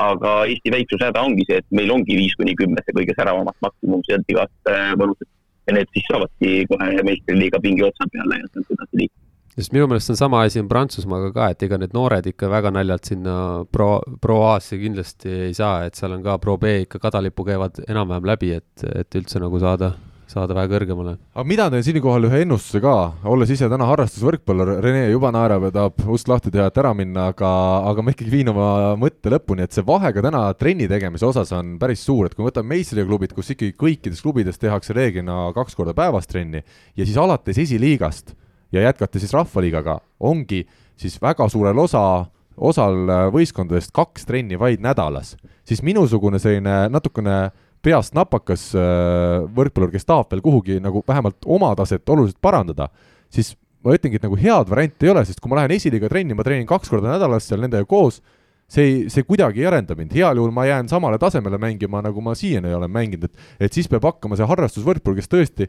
tahab veel jõuda paremaks, tahab võib-olla saada esiliigast kunagi selliseks tugevaks mängumeheks või kuskil veel unistab meistriliigas pingi peale pääsemisest, et siis ta peab leidma mingid meeletud erilised variandid, kokku sobitama erinevaid esiliiga klubide trenne näiteks, et ta saaks sellise treeningmahu kätte, et see tegelikult harrastusvõrkpallur ongi väga raske kuidagi ju paremaks nagu saada minu, minu hinnangul, mul on selline mulje jäänud nojah, nagu sa isegi leidsid võimaluse endale, korra nägin sind ka Rauli, Rauli juures Audenteses noortega koos teha, et seal selles mõttes tehakse ikkagi trenni ju Just. ja, ja, ja mitte, mitte noh, ütleme esiliiga puhul tihtipeale ilmselt ma eeldan, ma ei, võib-olla teen liiga kellelegi, aga, aga ma ei, ma kujutan ette, et need enamus esiliiga satsid ikkagi mehed võtavad omast vabast ajast ja tulevad kokku, okei okay,, neile meeldib võrkpall ja kõik nii edasi, aga ma kahtlen, et seal keegi naeratab, kui öeldakse, et kuule, täna teeme tehnikatrenni, et siis venelad mõtlevad, oh jopp. et see on puhas selline nauding, õhtune vaba aja veetmisviis sõna otseses mõttes, mitte koht, kus veel mängijad on, tahavad teha rasket tööd, eks ole, see on täiesti arusaadav. võrgule servime ja paneme peale, ma arvan, et seal käib asi nii. kuigi kindlasti me teeme natuke kellelegi liiga, kindlasti on ka mingeid võistkondi seal tipus, kes ja, natuke tõsisemalt asjaga tegelevad. ja, ja vaata, ega võrkpalliga ongi see, see asi, et sa üksinda ei saa nagu teha, et kossus lähed, loobid peale, viskad kas või vabaviskeid ja natukene saad mingitki tunnetust hoida, et võrkpalliga no on keerulisem, et seda vastu seina mingit palliga ja, üksinda, et siis jõusaali sa võid ju teha, ütleme viis korda nädalas sellele kahele trennile, mis seal võistkonnaga teed juurde, aga, aga see sind mängijana ikkagi ei arenda, sul on vaja pallitrenne, ma ütlen julgelt viis korda vähemalt nädalas, et kuskile kas või harrastajana ikkagi edasi minna äh,. Alar, on sul veel mõtteid või läheme järgmise küsimuse juurde? Läheme edasi Läheme edasi. Ja nüüd siis tuleb meil järgmine küsimus, Kaisa Karjane. väga huvitav ülesehitus, tere hommikust esiteks, tere ka sulle, Kaisa. ja tabasin just ennast mõttelt, kuidas motiveerida noori ükke päeval kohale tulema trenni. Olete palju rääkinud sellest, kuidas tuleks noortega jõudu teha, kuid reaalsuses mul eelmises klubis, kus oli ükepäev, kadus üle poole lastest ära, suuremaks saades tuli neid juurde ja juba küsisid ise, kuna üketrenn on. ning tundub, et ka praeguses klubis on tüdrukutel sama juhtunud, paljud puuduvad, kas see on loomulik protsess alguses, et pool trenni jookseb tühjaks ükepäeval või annab seda kuidagi ära hoida. Väga, väga, väga hea küsimus. mul on siin selle koha pealt on isegi natuke väike isiklik äh, see kogemus sees, et äh, mulle ka ei meeldinud, aga puhtalt sellepärast, et ma tundsin, et see aeg ma olin, me tegime natuke vanemate poistega trenni ka ja ma tundsin ennast nii nõrgana. täpselt sama kogemus. ja, ja tegelikult see on nagu sihuke asi, et äh, mis nagu pani jumala raskesse olukorda, et, äh, et veits häbi oli käia trennis. ega oligi, midagi teha ei olnud nagu selles mõttes, võisid ükskõik kui palju hambad ristis kodus ka mingeid asju teha, aga see jõud ei tulnudki järgi mm. -hmm. no ma ütlen, mul on hea näide sellega, et äh, ma lasin panna isal selle lõua tõmbamist selle, selle pulga isegi sinna üles, et nagu lihtsalt sellepärast, et äh, mul oli reaalselt oligi häbi, et ma ei jõudnud teha õieti.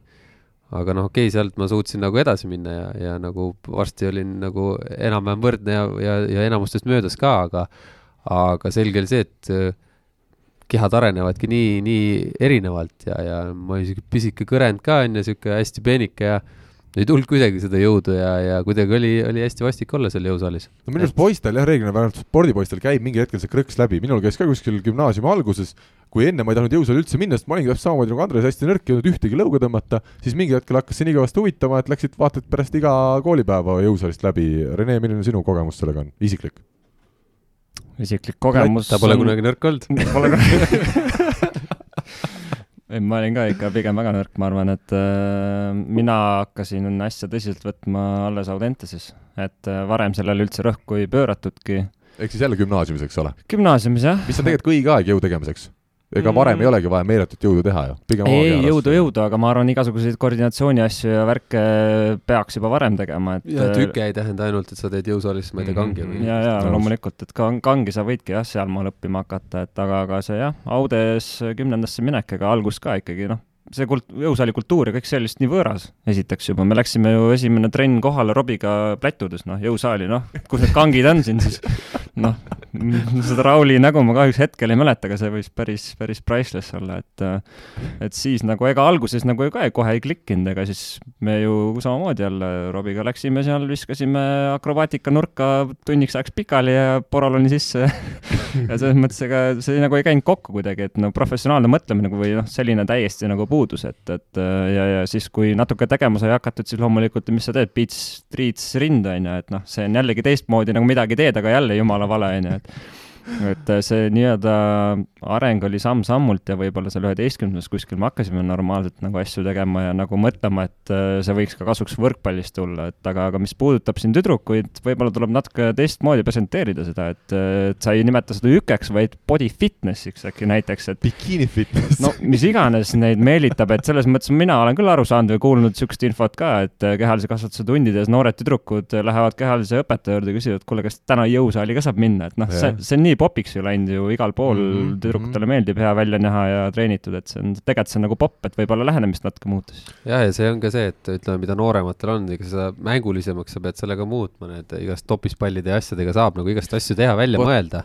ja et sa ei pea panema nagu, et paneme sulle mingid kilogrammid peale või mida iganes, et noh, et, et eks, eks see on nagu sihuke koht, kus võib-olla sa ei pea ütlema, et sul on üke, sa võid ka võiks sealsamas pallisaalis võtta need äh, väiksed või kergemad topispallid ja hakata seal mingeid nagu poolmängulaadseid asju tegema ja noh, see lõpp, lõppkokkuvõttes on kõik jõudu arendav ja, ja, ja see noh, see on kindlasti üks sellest poolt, need hüpped ja igasuguseid asju saab teha, et äh, no minu arust ka näiteks kõige parem näide alati on olnud ju lastetrennide puhul, minu arust tänase päevani, kui ma võtan ennast kas või, kui ma pean lihtsalt jooksma lõike kuskil trennis nii, et üksi jooksen sada meetrit puhkus sada meetrit, siis see on oluliselt rõvedam kui see, et ma teen näiteks teatejooksu nüüd sedasama. see kuidagi, sa unustad ära selle, et sul on väga raske, sa keskendud sellele, et sa tahad seda sõpra või kedagi treeningkaaslast võita ja tänu sellele see treening möödub, möödub sul nagu nipsust. Alar, anname sulle ka sõna Ehm, mul kaks asja. esimene, kui Rene hakkas oma jõusaalis käimisest rääkima, mul tuli meelde, millal ma esimest korda elus Reneed nägin. see oli Võrus, kas C või B-klassi mingisugune turniir. ma olin ülikooli mingisuguse uurimistöö raames, pidin küsimustikke seal laskma täita. ja siis mulle näidati, et näed, see on siis see Pärnu võistkond ja et sealt võib midagi tulla, ma vaatasin oi kurat, et küll on pikad käed ja küll on pikad jalad, aga lihast küll ei olnud sellest, et ma olen Renega nõus, et äh, ta vist veidi hiljem jõudis jõusaali. aga Kaisa küsimuse vastuseks äh,. natukene läksime oma aruteluga või te läksite ka siia jõusaali poole mm. -hmm. ei ole, noh, kõik teavad ju jõusaal ja see on nüüd töö, mida peab tegema mitte ainult nende lastega, vaid ka nende lapsevanematega. et ükskõik, mis spordiala, võrkpall on üks neist, ma olen siin olnud aastaid tennise juures, sama häda Äh, lapsevanemad juba mõtlevad, et kui ma lapse trenni eest maksan, siis peab seda ala tegema. Aga tegelikult see proportsioon ju teatud vanuseni peab olema niimoodi, et selle eriala spetsiifika osatähtsus on vähem kui viiskümmend protsenti ja kõik need muud juurde viivad asjad, üldkehalised, sealhulgas võib-olla jõusaal mingist vanusest, need on rohkem kui viiskümmend protsenti. et see tuleb nagu nii laste kui nende vanemate kui kõigi teadvusesse äh, täielikult sisse juurutada, et see ongi kõik üks osa võrkpallitrennist mm. -hmm. ei ole mingisugune muu hüppepäev, vaid see on ka võrkpallipäev samamoodi, lihtsalt tehakse teistsuguseid asju. ilma selleta on täiesti selge, et eh, mitte ühelgi spordialal ei saa. Ja, ja võrkpallis vaadates, kui palju jõulisemaks on läinud, eh, kohe kindlasti juba aastakümneid ei saa enam, vähem tulevikus hakata saama. Jah, ja üks asi, mis mul siin meelde tuleb veel, venitamine on olnud alati laste jaoks ka selline asi, no mida väga ei viitsi, ei taha teha, aga tänapäeval ongi selline moodne ja, ja väga justkui pealtnäha lahe asi nagu jooga, eks ole, mis on üha populaarsem ka noorte seas et tegelikult joogatrennid ongi seesama ju paljuski seesama venitamine, mida lapsena kellelegi väga ei ole meeldinud teha, et võtta kuskil laagritesse kaua mingisugune jooga tegemine sellises mõnus, mõnusas äh, õhkkonnas, see aitab võib-olla jälle ka selle osa nagu ära teha nii, et lapsed ei mõtlegi selle peale kui mingi ebameeldiva tegevuse peale, et saavad aru, et võib ka venitamine olla päris, päris tore ja, ja lahe ettevõtmine tegelikult. Rene on jõudnud kohvipausilt tagasi, sedasi märkamatult kuulajate jaoks on äh, Rene ära käinud, aga ma usun, et meil on aeg aeg võtta ette siis järgmine küsimus, kas me nüüd Kaisale saime sellise hea vastuse, et kuidas, ütleme siis mängulisemad treeningud, ka hükketreeningutel oleks siis need, mis aitaksid äh, kuidagi äkki lapsi rohkem nendesse treenidesse tuua ja pannagi mingeid isegi kas või ma ei tea, mälumängu küsimusi mingite harjutuste vahele, et lapsel see mõte püsiks nagu erksana ja ta ei, ta ei mõtleks sellele, et ta tuli nüüd trenni, mis, mida talle teha ei meeldi. ja noh, ei pea ju ütlema, et sul on hüketrenn, et katsud, katsud selle hüke osa natukene siis äh, siduda ka sellele pallitrennile, et kus keegi saa ära joosta. Ja mul, mul tuli enda varasest noorusest meelde, et võrkpallis ma ei olnud kunagi eriti osav, aga ega treener. oota, oota, oota, ütle ühe korra veel, ütle ühe korra veel võrkpallis ma ei ole kunagi olnud osav välja, välja arvatud ühes teada-tuntud äh, muruplatsil, kus ka Rene Teppan ükskord on käinud, rohkem teda sinna ei kutsuta. ükskord sain kaitseks tema löögi kätte, aga terve selle õhtu jooksul ma olin ka ainukene, kes selle ühe kätte sai, ülejäänud lõid ta kõik maha äh,. aga näiteks mina olin, minu lemmikmäng oli vähijalgpall seal ma olin küll üks paremaid. ehk mõnikord sai trennis peaaegu vähijalgpall, see on see, kui sa oled käte-jalgade peal, keha üleval, vaata. et nagu jalgad mängivad pikali et seal ma olin päris kiire ja väravaid tuli ilusasti ja mis siis, et trennis vahepeal tund aega pidi seda mängima. nii, ja nüüd siis siin ka kõigile soovitus äh, Alar Rikbergi äh, näol, et kui ei, võrkpall välja ei tule, siis äh, saa Indiaka mängus maailmameistriks või tegele tõsisemalt vähijalgpalliga. selle pealt me läheme aga edasi, ma ei anna isegi Alarile siin sõna tagasi ja Tiina küsib meie käest, kuidas peaksid võistkondades jagunema soojendusel mängijad? kas on välja kujunenud, et noor mängija on noormängijaga paaris, kogenumad mängijad on omavahel paaris või võiks ka paare nii-öelda miksida. kuidas Selveris on see jaotatud? Rene, sul on kohe võimalus. no klassikaline, ütleme ikkagi on välja kujunenud, noh, eriti koondises, kus ütleme, okei okay,, mängijad küll vahetuvad, aga, aga suurem osa ajast ikkagi teatud tüübid on nagu samad ja, ja, ja ütleme, on tekkinud jah, sellised, sellised paarid. on olnud olukordi, kus kohati need paarid lüüakse lahku treenerite poolt või? treenerite poolt, kus, kus võib-olla nähakse, et mingid vennad väga ei ürita või teevad mingit pulli ja ei võta liiga tõsiselt seda asja. aga ka ütleme, Selveris näiteks on olukord selline, kus mina olen ilma paariliseta ja, ja meid on tihtipeale paarite arv trennis, nii et mina vahetan sisuliselt iga trenn paarilist.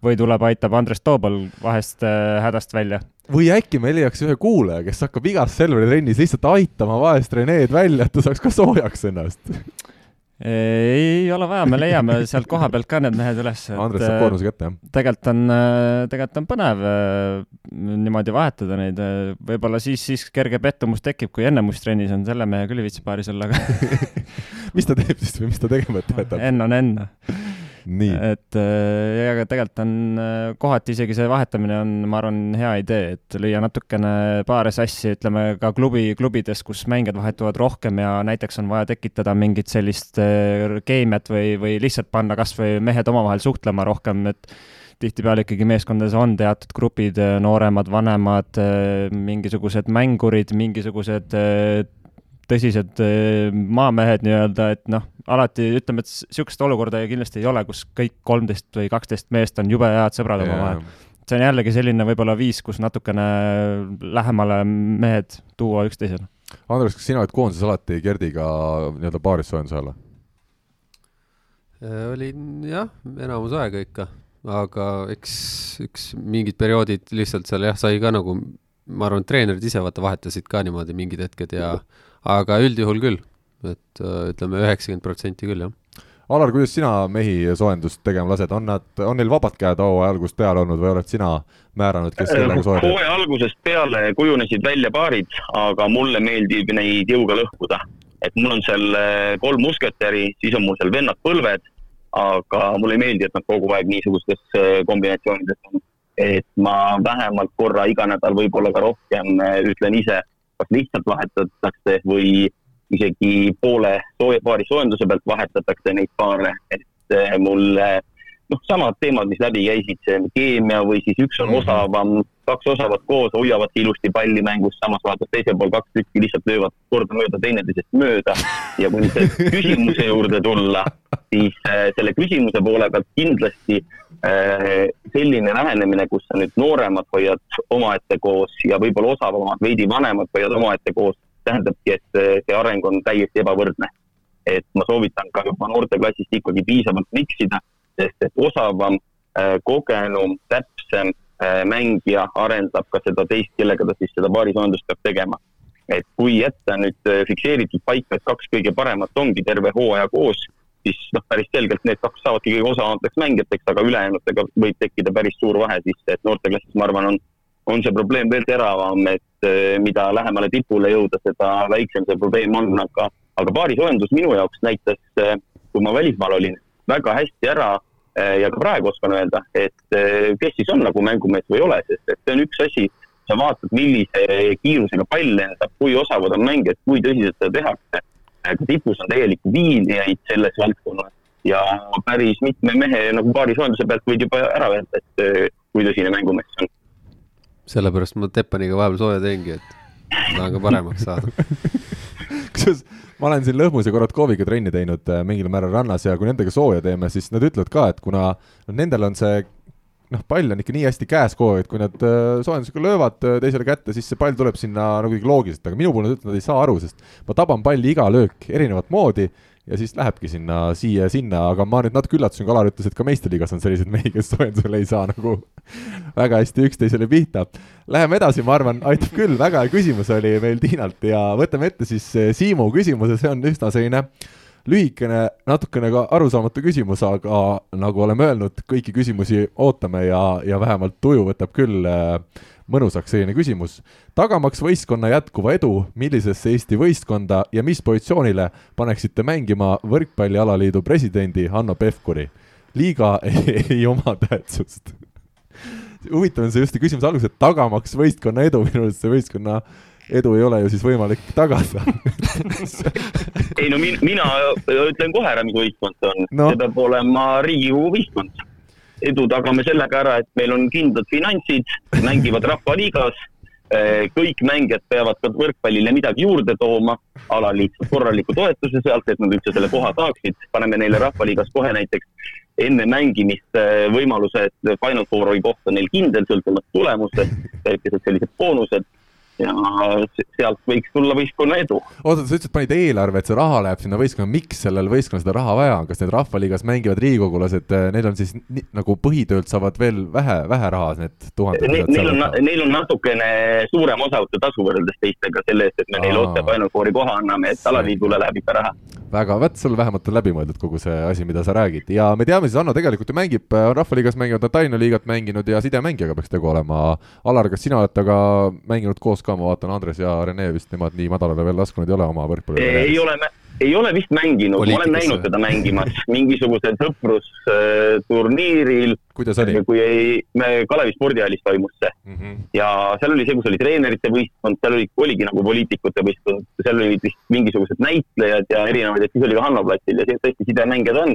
Äh, ma olen temaga koos võib-olla paar korda toksinud enne mingit mängu, kui ta on saali tulnud ja palli kätte võtnud. aga enamasti, kui ta saali tuleb tal ei ole võimalus isegi paar korda palli toksida, sest tema riietus ei vasta, ta tuleb tihtipeale ikkagi ülikond mul tuleb meelde enne meeste karikafinaali Tartus detsembris äh, Hanno lõi seal tugevalt servi, kuna see servimasin või servi kiiruse mõõt oli juba üleval, siis ta võttis pintsaku ära ja, ja lõi ja lõi ja tuli seal vist kaheksakümmend midagi kilomeetrit tunnis, ma ei mäleta, kas see pall ka sisse läks või mitte.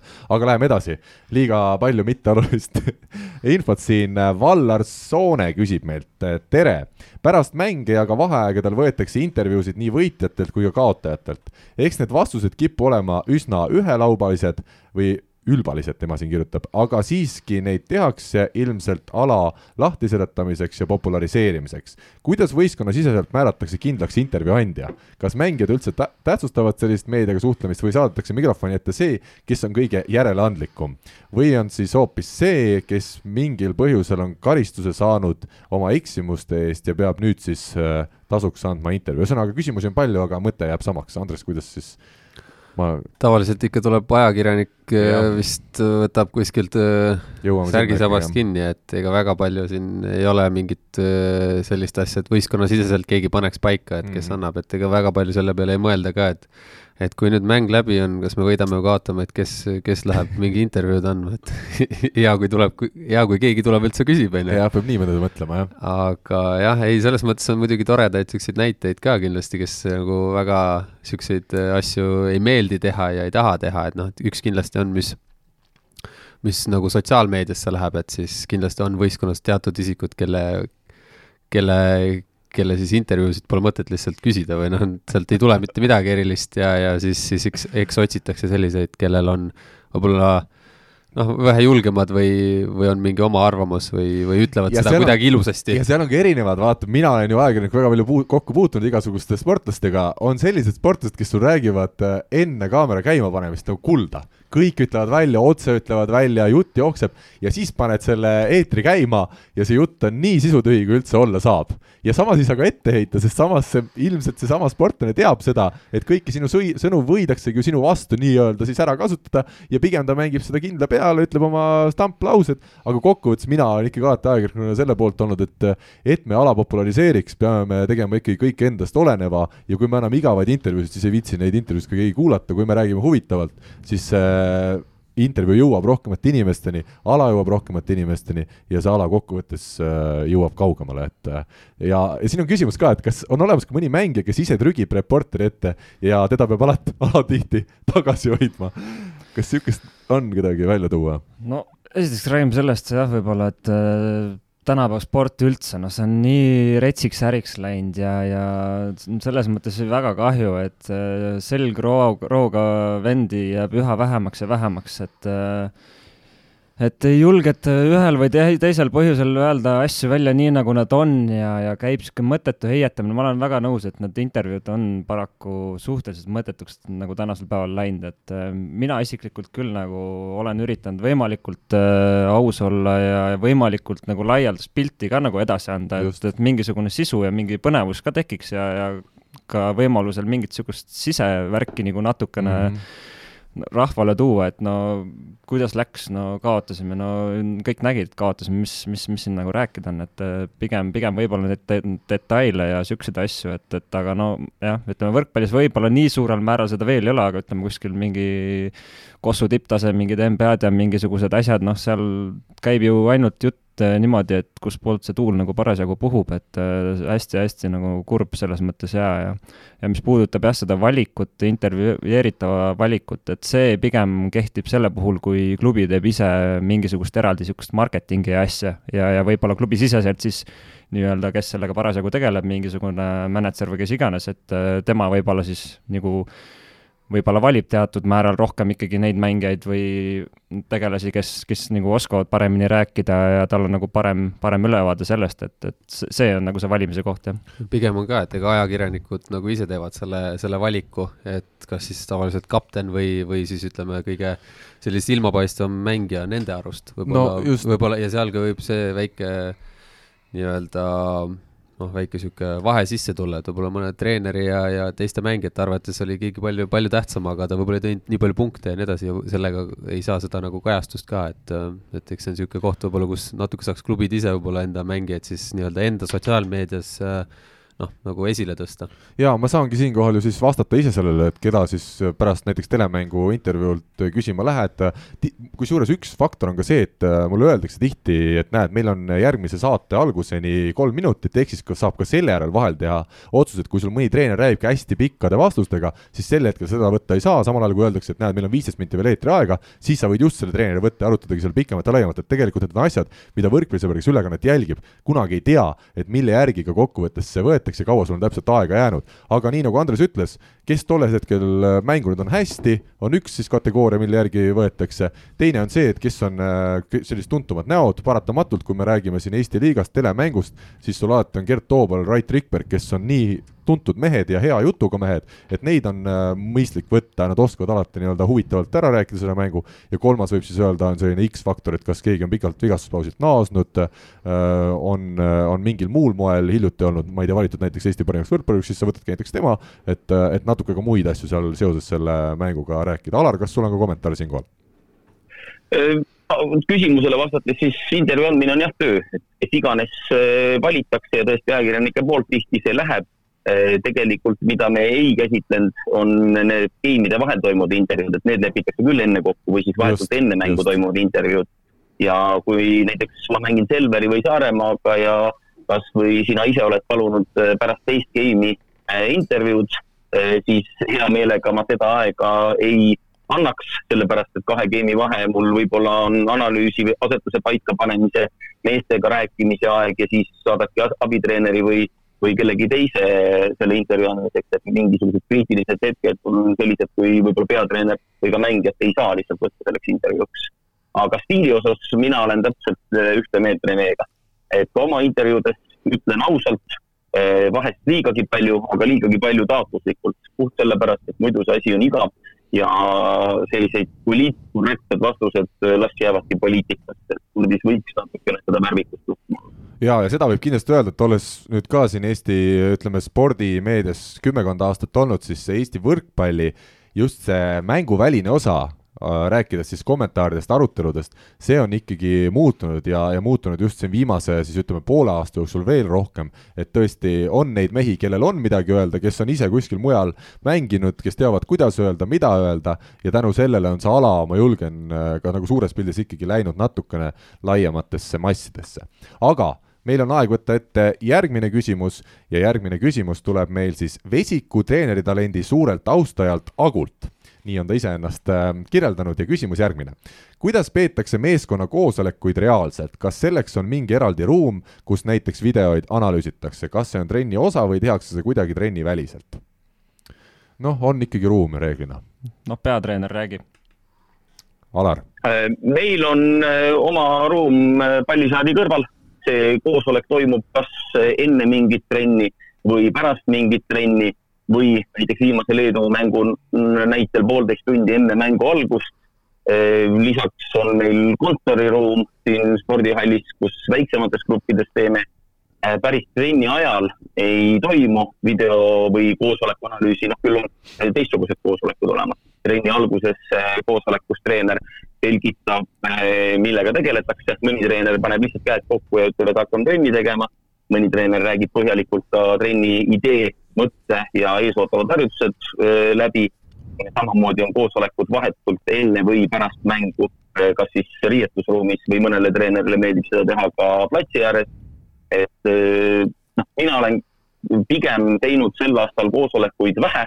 ainukene mäng, enne mida ma tegin rohkem koosolekuid, oli karikafinaal ja sellest võib vist järeldada, et tuleb jälle vähem hakata koosolekuid tegema mul on, Äll, sulle üks küsimus, et teadupärast äh, videokoosolekud ja asjad ikkagi on äh, kas siis noh, sõltuvalt äh, treenerist ja nii edasi, et mõni alustab juba kolm päeva varem ja, ja aga klassika on see, et tehakse üldjuhul kaks, kaks nagu videot, et, et äh, üks päev vaadatakse ründajaid, teine päev hakatakse asetusi ja servijaid vaatama, et aga mainisid, et äh, ühe koosoleku said vahetult enne mängu tehtud, et äh, et kas oli, oli ka tunda, noh, see on selles mõttes, see on, see ei ole tavapärane, et enne mängu niimoodi, et aga kas oli tunda, et näiteks mängijatele see info nagu kuidagi jõudis paremini kohale või selles mõttes oli paremini meeles või värskem?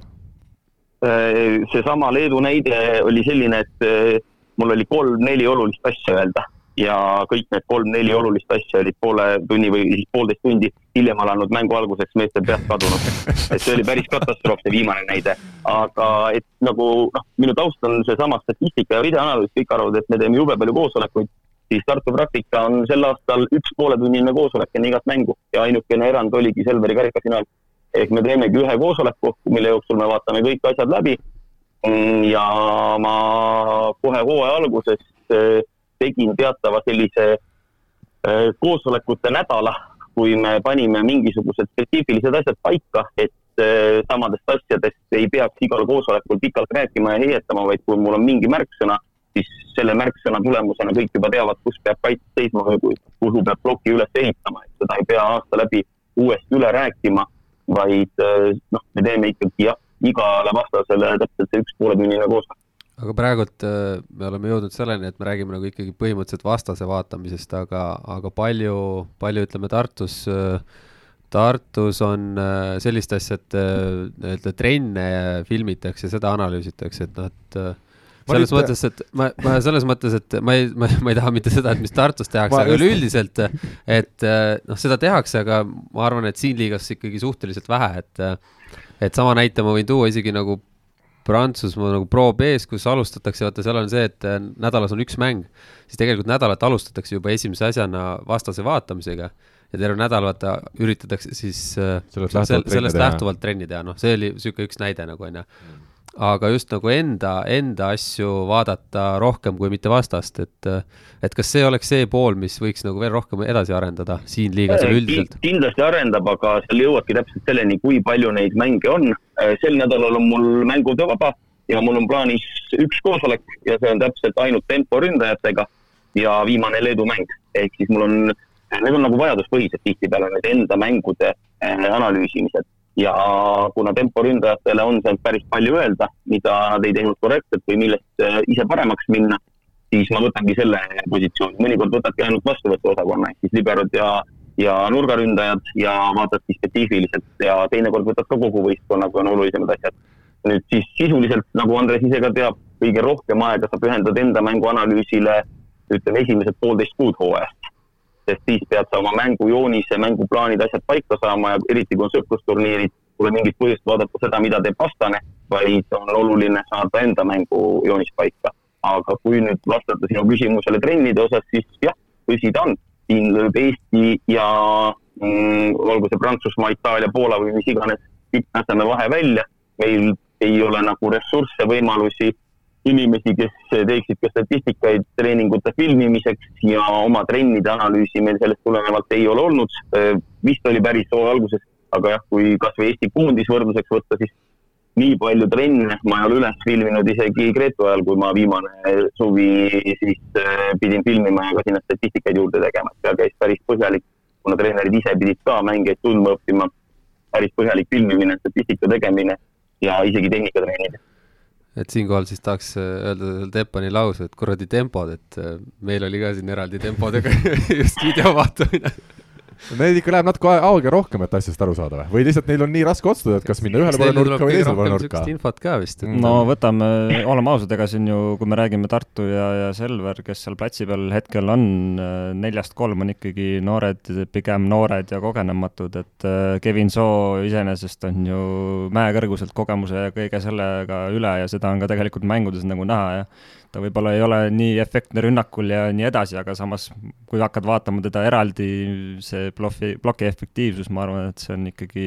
nendest äh, neljast selgelt parim noh no vot, aga kuna meil aeg pressib peale, siis võtame täna viimase küsimuse ja me jätame siis äh, Aini ja Deno küsimused äh, järgmiseks korraks, kui loodetavasti ka Rivo on meil siis kas telefoni teel või lausa stuudios olemas. aga, ja kui veel keegi teine on, äh, kelle küsimuse me oleme kogemata jätnud kahe silma vahele, andke sellest julgelt märku, ikka juhtub, inimlikud eksimused on, on ka minu puhul tahes-tahtmata vahel esile kerkinud. aga Marko Kiljak Tartumaalt. oi, oi, oi, oi. on vist õige Tartumaalt öelda meestel juba nägu on muigel ja küsimus on siis järgmine. olen tahtnud seda ammu spetsialistidelt küsida. kui näiteks mul oleks palju raha ja ma teeksin Eestisse võrgusatsi, kõikidel positsioonidel tugevad koondislased pluss legionärid ehk kindel kullasoosik. ainuke tingimus on, et mina olen põhisidemängija. minu sidemängija oskused on umbes samad, mis Rivo teadmised tuumafüüsikast. eks kui ma väsin, siis lasen vahetada ikka päris sportlase vastu sisse ka. millise raha eest näiteks Steppan oleks nõus, nõus selliselt hooaja mängima. kas üldse oleks keegi selles pullis nõus kaasa lööma, kui raha oleks näiteks kolmekordne? kas midagi sellist on üldse kunagi keegi kuskil teinud? Äh, samas saaks palju nalja ja arvan, et saal oleks täis ja telereitingud laes. mäletan, et üheksakümnendate Kalevi Kossusatsis oli midagi analoogset, kui satsis olid ka raha andnud amatöörid, praegused Graamo funktsionärid, kes said väljakule siis, kui viiskümmend punkti oli vahe nii, Rene, kolmekordne summa alustame sellest, et äh, jätame selle personaalse tasu kõrvale, pigem seda üldist võistkonda arvestades, ma arvan, et mill peab vähemalt olema, lihtsalt selle eest tuleb meestele maksta, et Killakut taluda terve hooaeg. Et äh, ei jaa, Kiljak on pull vend ja, ja, ja kindlasti tuju oleks võistkonnas alati üleval, et, et, et aga noh, kui nüüd reaalselt see sinna platsile panna, see visioon ja asi, siis noh, mis siin salata, ütleme nii, et et äh, ega vastuvõtt oleks meelega seal Liberal, nelja, nelja meetri peal, et libero tõstaks jah, et Küljaku paneks lihtsalt sinna seisma ja vaatama, kuidas, kuidas teised mehed mängivad, et äh, no ma ei kujuta ette ilma saab side... karik, karika vastuvõtmiseks ainult. jah, näiteks ja pakett, banketi paneb kokku pärast ja, ja nii edasi, et aga, aga, aga no ilma sidemängijata ma ei kujuta seda mängu hästi ette, tõesti päris, päris keeruline. kas te Tallinna Ülikooli, meie esiliiga parimat võistkonda võidaksite nii, et Kiljak oleks side? Vist mitte, kui te tõesti peate panema teise puute kiljakult läbi, sest no sealt kui me peame panema. sealt tuleb must puude kogu aeg ju. nojah, jah, on küll. aga kui te paneksitegi nii, et te meelega mängitakse vastuvõttu näiteks liberole või siis libero jookseb kiljaku maha seal võrgu all ja tõstab ise ma arvan, kui sa paned kohe täna meid platsile ja davai, nüüd kohe ilma ühegi trennita, siis oleks keeruline. no kuu aega seda süsteemi sättida ma saaks. Kiljak läheb kuskile väljaku nurka. no mis iganes jah, küll kuu aega välja mõtleks midagi, et äh, siis võib-olla küll, aga, aga täna kohe niimoodi, ma ei kujuta ette, see oleks pudru ja kapsad seal. aga kas Kiljakust kaitses kuidagi saaks, et panete seisma kuskile, kui ütleme ise servite, eks ole, ja Kiljak lähebki kuskile, et ta teeb ennast võimalikult suureks näiteks? no ütleme, plokis me kaotaks ta ära, seda tehakse ka tipptasemel lühikeste sidedega, on ju, see ei ole teema. ja kuidas sa ära kaotad? ta lihtsalt ei lähegi plokki, astub sammu välja, julgestab Aa. seal niisama chill ib, aga oh., aga ütleme. julgestab?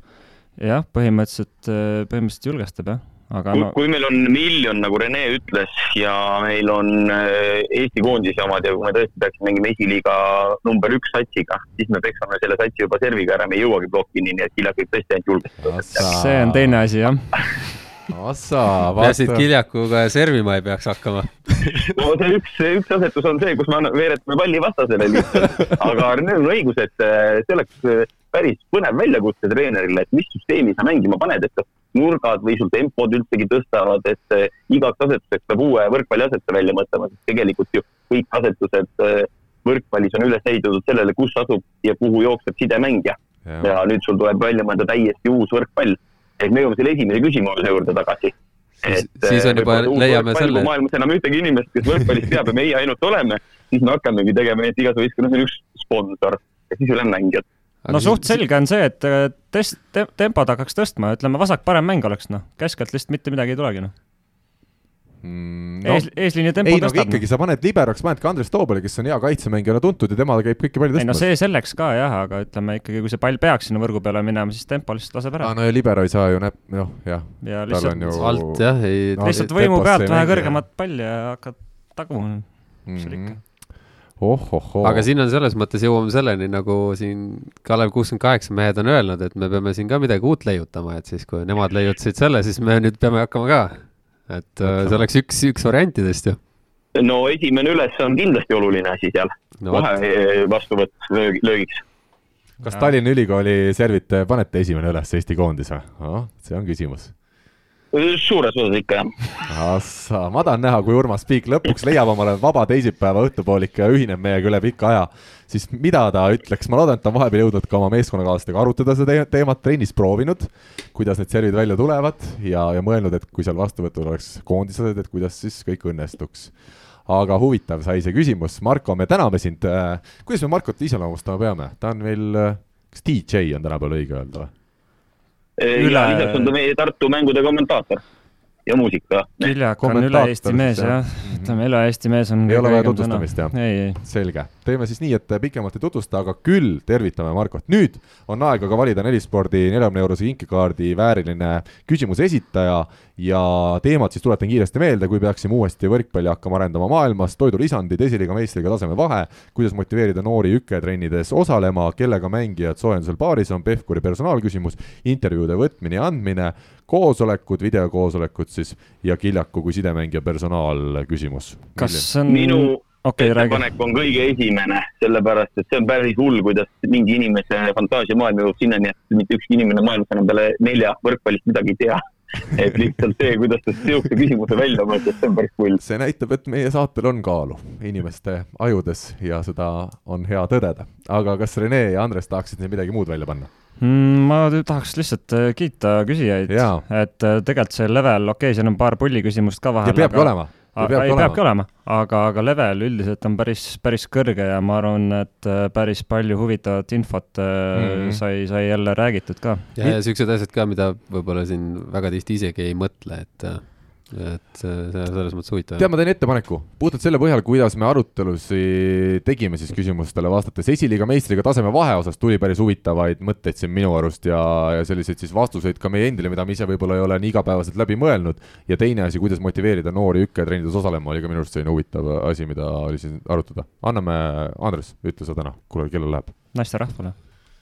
jah selge. sellest me neljakesi jah, mehed ikka valisime siit, et, et oleks vähe võrdsem. just, jälle võrdõiguslikkust juurde. Kaisa Karjane siis seoses Ükke tule, Ükke treeningute ülesehitamisega, väga just meeldis see, kuidas tõesti inimene, kes igapäevaselt järelikult tegeleb selle treeneri tööga, kuidas tal on mure ja kuidas ta lootis, et äkki me siin aitasime natukene juurde, seda, kas me ka aitasime juurde, ma ei oska öelda. loodame parimat, kindlasti kui sul on võimalik, Kaisa, siis anna meile ka tagasisidet, kas sul tuli siit midagi huvitavat ja uut tead juurde ja kas sa oled seda ka siis trennides juba mingil hetkel rakendanud, aga meie tuletame kuulajatele meelde, et info, et võrkpalli24.ee ja võrkpalli24 Facebookile sõnumid on ikka need kohad, kus iga kahe nädala jooksul siis saab jälle küsimusi esitada ja kus me neid küsimusi ka ette võtame, aga meil on aeg minna kiiresti-kiiresti järgmise teema juurde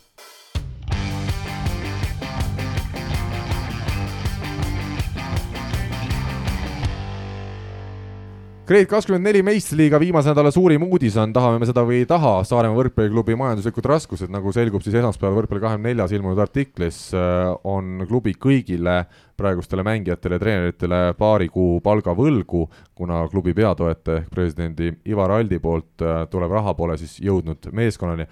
karm olukord ja Eestis vist üsna harukordne juhus äh, või on seda tulnud ette varemgi, lihtsalt ütleme, meediani reeglina need probleemid ei jõua, kuidas kuidas see olukord on, kas teie teate siit lähiajaloost näiteks meistriklubidest sarnaseid probleeme? mina ütleks ühe mitte nii lähiajaloo, aga tol hetkel, kui meil see esimene mull lõhkes, majandus pluss kinnisvara ja Tartu meeskonnal siis pereleib loobus ja Bigbank järgmisest aastast hiljem tuli peatoetajaks, siis selle eh, hooaja lõpp oli küll üks keeruline aeg.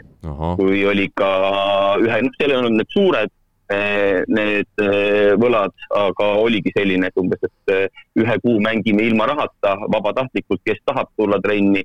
ise muidugi võistkonna juures ei ole, aga jutud on rääkinud, et kõik peale ühe tulid trenni ikkagi ja tegid korralikult asjad ära.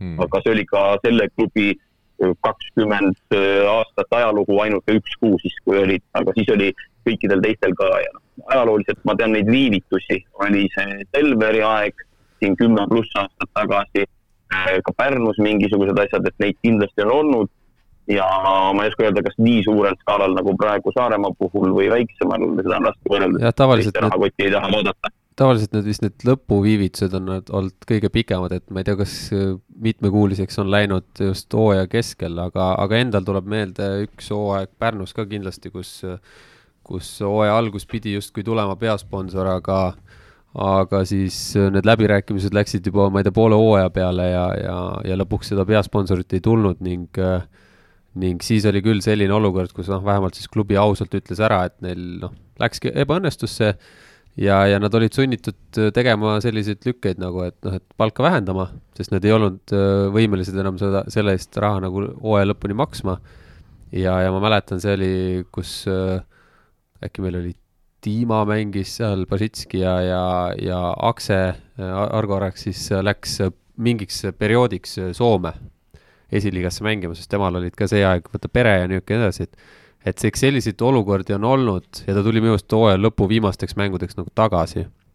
võib-olla kõige hullem näide äkki oli ikkagi see Järvanmaa meeskond. no see on kindlasti äh,. paluti juba ka alaliidu abi ja minu teada üks nendest funktsionääridest on tänaseni võrkpallis tegutsemise keelu all et äh, see oli jah, üks lähiajaloo siis selliseid kõige halvemaid näiteid, kus see võistkond kaduski võrkpallikaardilt, äh, kuigi tuli sinna sellise suure hooga, aga nagu näha, siis ei õnnestunud.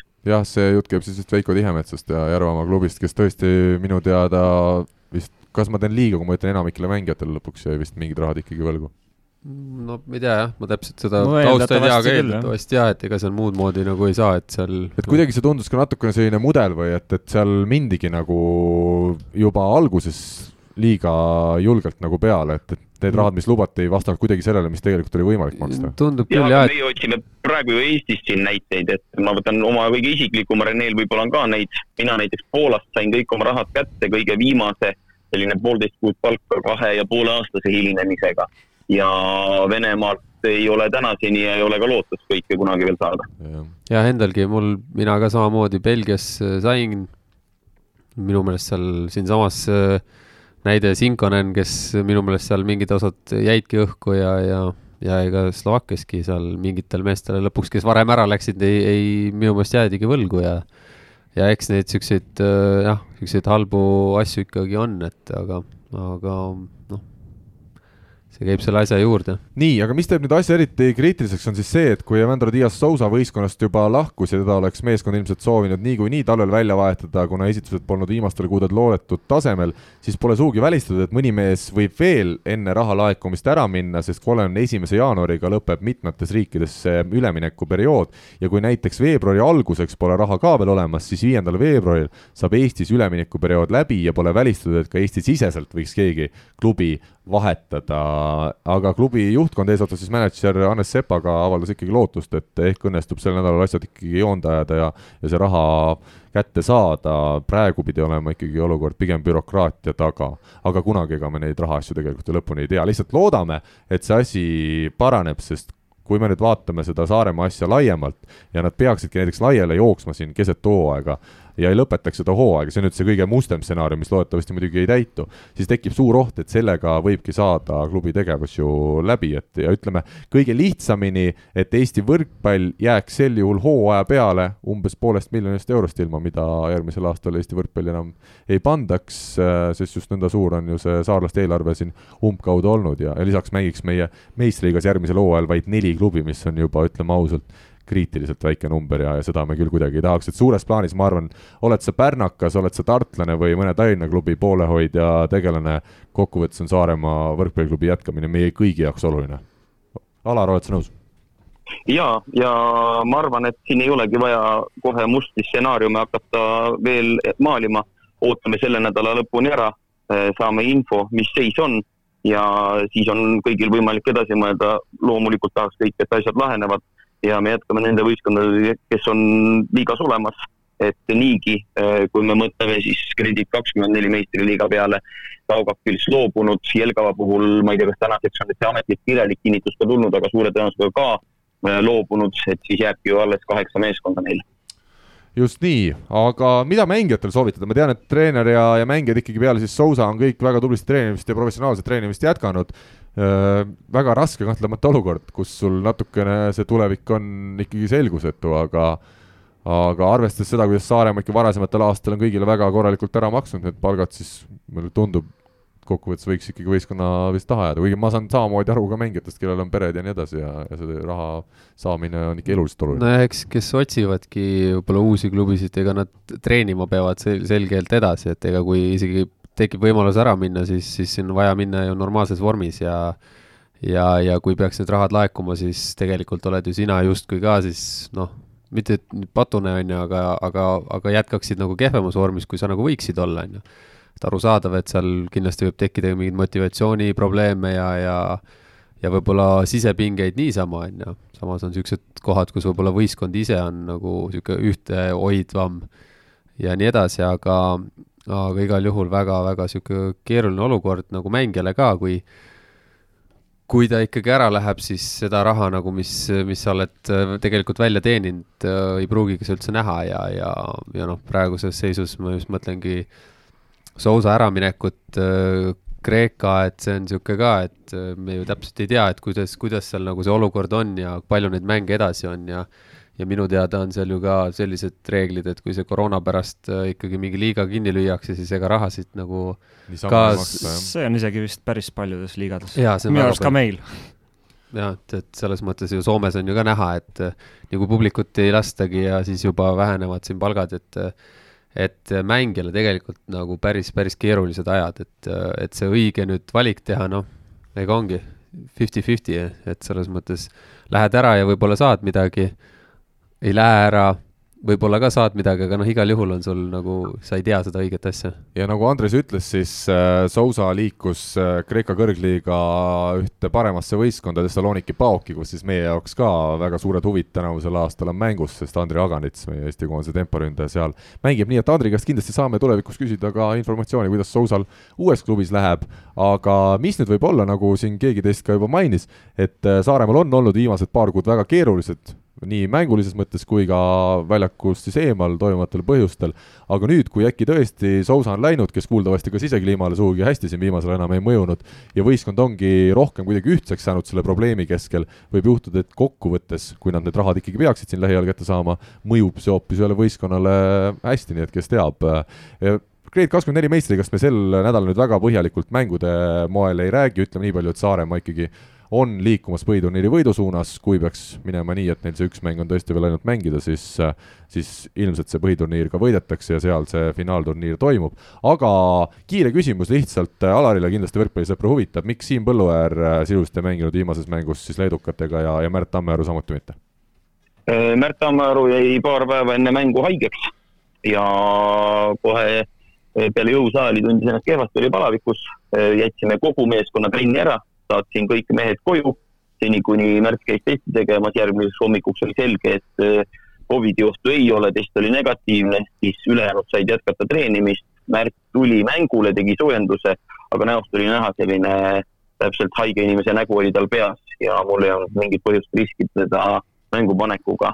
Ja Siim Põlluäär sai õlgasüsti äh, suhteliselt sarnane teema, ma arvan, mis on äh, Renele tuttav sellest hooajast, et õlavalu oli teda pikka aega seganud ja eks me hakkame nüüd teda putitama, et ta siis, nagu mainisin, selle hooaja teise poole ilusasti esineks selge, aga Alar, me teame, et sul on treening kohe algamas siin teisipäeva õhtul, mil me seda saadet lindistame. ole hea, saada veel lõpetuseks Selveri meestele mingisugused õpetused või tervitussõnad siia, ütleme siis nädala teiseks pooleks veel.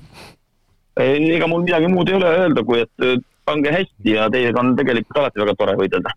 on, on samad sõnad, ma usun, vastu tulevad siit, jah. tulevad, tulevad. aitäh, Alar, ja meie läheme siis tõesti juba saate viimase osa juurde. jaa, meil siin metsas teavad kõik, et kõik see parem on ikka Eestimaal. aga ega see tähenda, et vahepeal muud maailma ei tohiks käia avastamas. karumets hoiab metsas asjad korras, et meie võrkpallisaadikud võiksid rahus käia meid esindamas laias ilmas. jaa. tere! Dzień dobry, kõrvik klassika Renki poolt muidugi. Nii, ma ütlen kohe, et meil lõikasid midagi välja, nii nagu praegu see tervitus tuli, nii see ka lõpuks eetrisse läheb, ühesõnaga meil on liinil nüüd siis äh, Rzešovi Asseco Rezovias mängiv temporündaja Timo Tammemaa, mees, kes enam hästi ei mäletagi, millal ja kuidas see kaotamine käis, sest Rezovia on nüüd järjest saanud neli võitu Poola liigas, on kerkitud tabelis juba viiendale kohale, play-off'i suunas on liigutud äh, ja Timo, tore on sind kuulda, ma tean, et sul jäi äsja trenn selja taha, kas täna oli selline raskemapoolne treening või said kergemalt läbi tänu sellele, et nädalavahetusel tuli järjekordne ilus võit? Ehm, sihuke klassikaline kahetunnine, et mingit hinnealandust ei tehta. mis siis trennis täna läbi võeti? Ehm, ütleme, meil siin on natukene see hõre on siin seis, et ehm, nipet-näpet midagi saab teha. selge. mis te teete siis mis me ikka teeme, serv servi vastu võtta ja siis mingisugused asetused läbi ja sihuke nagu klassikaline. ei oska detailselt nagu juurde siia midagi lisada. kas hooaja keskel ongi pigem need äh, treeningud sellised mängulised, et siis äh,, siis ei ole sellist äh, ütleme, tehnika asja väga palju või? nojah, oleneb siis, kes siis parasjagu vastane on, et nii-öelda vaadatakse vastasest info ja siis üritame nii-öelda vastase järgi teha nii-öelda need kuusikutrennid ta niimoodi käib nädalast nädalasse enam-vähem ja no võtame siis natukene lähemalt Alberto Giuliani meeskonna peatreener, kellest me oleme siin rääkinud, Robert Tähega. kuidas sina teda kirjeldaksid ja kuidas ta sulle temporündajana sobib, palju ta ütleme näiteks temporündajatega igapäevaselt tegeleb ja palju ta jagab seda, mida just üks hea keskblokeerija tegema peab väljakul? ma arvan, et ma olen kindlasti nagu tema all siin nüüd trennides ja mängudes saanud lisa just nagu ploki näol ja servi näol, et olen uusi nii-öelda nippe õppe saanud ja rohkem siis harjutusi, et plokis nagu kiiremini liikuda siis selge, kuidas see, kas see harjutuste tegemine, ma just mõtlen, temporündajal on ju mängu lugemine hästi tähtis. kas siis treener õpetabki kuidagi mängu lugema paremini või käib ka seal väga selline tehniline lähenemine, et kuidas lihtsalt jõuda nurka kiiremini oma sammudega? no tehniline lähenemine kindlasti oli mingi periood ja siis lõpuks lihtsalt pidime ära õppima nii-öelda staff'i süsteemi, kuidas, mis asetuses, kuidas plokis liikuda selge. vaatasin, et kui sind siin nädal aega tagasi valiti kohtumise parimaks, siis äh, meeskond kuidagi väga sõbralikult kogunes sinu ümber ja, ja võttis seda siia embusesse. kas see võistkonna sisekliima ongi nii hea, nagu ta eemalt vaadates paistab või? ütleme, et läheb paremaks, eks alguses on ikka keerulisem, et äh, minu, minu jaoks nagu mul nagu ei ole otseselt nagu probleemi olnud siin kellegagi kas äh, aga, on sul kunagi kellegagi probleeme olnud? ma tahtsingi sinna jõuda, jah, kas sul üldse kunagi on kellegagi? Renksiga, Renksiga Need probleemid ei lahene ka. Need probleemid ei lahene ka muidugi läheme edasi, äh, meeskonna sidemängija Fabian äh, Držižga on õige hääldus, siis nii nagu juba Reneelt oleme õppinud. ole hea, ütle, legendaarne ikkagi sidemängija, kuidas sinul temaga koostöö on klappinud ja jälle natuke iseloomustada teda kui sidemängijat, ma arvan, sa oled ka juba tänaseks maailmas üsna erinevate meestega kokku pidanud mängima, milline nüüd tema just on mm,? ei oskagi niimoodi nagu kirjeldada otseselt, aga eks mul alguses oli temaga nagu probleeme mingisugune nagu connection leida, aga nüüd teises hooaja pooles nagu me oleme midagi leidnud, äkki võib-olla oli usalduses küsimus, võib-olla ta ei usaldanud alguses. nüüd, kui ta on nagu usaldama hakanud, siis on nagu ka mingisugune tunnetus meil omavahel ka paremaks läinud. kuidas, Rene, sina iseloomustad seda sidemängijat? no eks ta ikkagi selles mõttes, ta on äh, nii-öelda kõhutunde järgi pigem mängija, et äh, kui tippsidemängijad tihtipeale vaatavad nii-öelda enne palli tõstmist teispoole võrku, et mis toimub, kus, kus on tempo, kus, kas keegi aitab, et siis selle, selle järgi nagu vastavalt korrigeerib oma tõstet, kas siis sinna või tänna, siis tema, tema seda ei tee, et tema, tema tunnetab pigem, kes on nagu tulised mängus ja, ja paneb niisuguse jah, kõhutunde pealt, pigem ma ütleks, mängib niisugust lihtsamat mängu, et ta ei ole mingi eriline trikitaja ega midagi, aga aga, aga ütleme. lihtne ja täpne siis või? lihtne ja täpne, ma arvan jah, aga noh, mis Timo jah, ilmselt äh, kinnitab seda, et äh, ta ei ole kunagi väga olnud selline keskele tõstja ja selles mõttes ma üldse ei imesta, et ta alguses võttis võib-olla natuke rohkem aega selle, selle klapi leidmine, sest kui, kui kui sa ei saa tööd, siis on raske klappi ka nagu leida, et, et ja Timo ilmselt nõustud ka sellega, et sa oled mängija, kes, kes tahab ja vajab neid tõsteid seal mängus, et, et ka teised elemendid paremini välja tuleks. ja ei, see vastab nagu tõele, et eks ta enam-vähem nagu niimoodi on ka, et äh, tundub, endale vahest on ka tundunud, et eks ta võib-olla natuke pelgab kuskilt mingit positsioonist seda tempot lasta, et see peab väga nagu sihuke ideaali lähedane vastuvõtt olema. räägi natukene sellest Resolve meeskonnast selles suhtes ka, et kes teil väljakul selline kõige kõvem jutumees on või kes kõige rohkem hoiab asju ohjeis, kuna me oleme erinevatest meestest siin ka erinevates saadetes rääkinud, siis ma arvan, huvitav oleks kuulda, et kes teil seal siis kõige niisugune domineerivam väljakul on ja kes kõige rohkem nalja teeb? kes kõige rohkem nalja teeb või? see on ikka Tammemaa, Saaremaalt vist, jah? ei, ei tea, kõik on siin omamoodi naljakad tüübid. oskavad, oskavad nalja teha kõik. aga kes siis selline aga kes niisugused tõsisemad? domineerivamad on kindlasti meil kapten sidemängija siis Fabian Piska ja, ja meie sloveenlasest nurk Clemensen Pulit. selge, kas Robert tahad ka vahel sõna sekka öelda? Nemad, no ikka ütleb. ahah. siis, kui on vaja öelda, siis ta ikka ütleb. Aga sina ise siis pigem kuulad teisi või on neid hetki ka, kus Timo ütleb, et äh, pagan, Fabian, pane nüüd mulle ka üks tõste keskele. ma ei ole läbi oma võrkpallikarjääri kunagi sellist tüüpi olnud, ega see ei ole muutunud ka nüüd siin olemisega. Kuidas sul temporündajatega konkurents on, ütleme siis äh, ameeriklane Jeffrey ja poolakas Pjotr, seda eesnimedega mainides on vist kõige suuremad konkurendid olnud, aga aga tunned sa ise nagu, et hetkel oled kindel põhimees ja siin ei ole isegi küsimust, et kas võiksid äh, ütleme, varusse langeda, et pigem mitte? no seda ma pean lihtsalt ise kindlustama mängudes nii-öelda häid esitusi tehes, aga eks meil see konkurents on tegelikult on siin igapäevases trennis ka, et ei saa nii-öelda seda gaasi maha, maha võtta. Üksteise push imine ja midagi lihtsat nagu ei ole selge, aga elus kuuldavasti ei pidanudki midagi lihtsalt olema, muidu see elu poleks selline, nagu ta on. Timo, suur aitäh sulle meiega lühidalt äh, liitumast, soovime sulle edu ja jõudu-jaksu siis Poolamaal. tervita Robertit ka, kes siis hetkel on veel mängust väljas, aga, aga peaks siin juba lähinädalatel olema siis loodetavasti ka mänguväljakul, äh, nii nagu hooaja alguses. ole tubli ja Sten Toobri sulle uuesti tšau. olge ka tublid, tšau ja nüüd siis äh, saate lõpp olgu lihtsalt lühidalt äh, mainitud, et äh, Robert Viiberi koduklubi Cantu, tema uus meeskond Itaalia esiliigas, sai siis koduväljakul võidu kuuesaja neljakümne kolme päevalise pausi järel. mõtlen, mis need Cantu mehed, kes seal need kaks aastat mänginud on et noh, see oli ikkagi, see oli nagu laulupidu, ma arvan, kui nad selle nädalavahetusel selle mängu lõpuks võitsid. ma vaatasin ka, et keegi oli seal midagi jaganud ja siis Facebooki tõlge oli ka ja siis oli ka mitu korda, et nüüd on see need, needus on, needus on murtud, et nüüd hakkab tulema. me saime võidu ja ma arvan, et selle toreda sõnumiga ongi tänane saade aeg kokku võtta, meil hakkab varsti juba kaks tundi täis saama, nii et laseme kuulajad puhkama ja midagi muud tegema, olge taas meiega nädala pärast. Markus Keel ka tegelikult läks välismaale. see mainib, on ka mainimist väärt jaa, mainime siis selle ka ära, tõesti, mul see siin ka kirjas oli, aga välismaalt välismaale selles suhtes. jah, et äh, ütleme nii, et äh, lihtsalt äh, Markusest me räägime järgmine nädal pikemalt ja loodetavasti me saame Markusega telefoni taha. Kui Renele sobib, siis mina lõpetan tänaseks, olge tublid ja kohtume jälle nädala pärast. Eesti kõige põnevamad podcastid on Delfis, kuula tasku.delfi.ee. ega edu pole jänes, mis seest ära jookseb, ärid on edukad Hammerheadi majades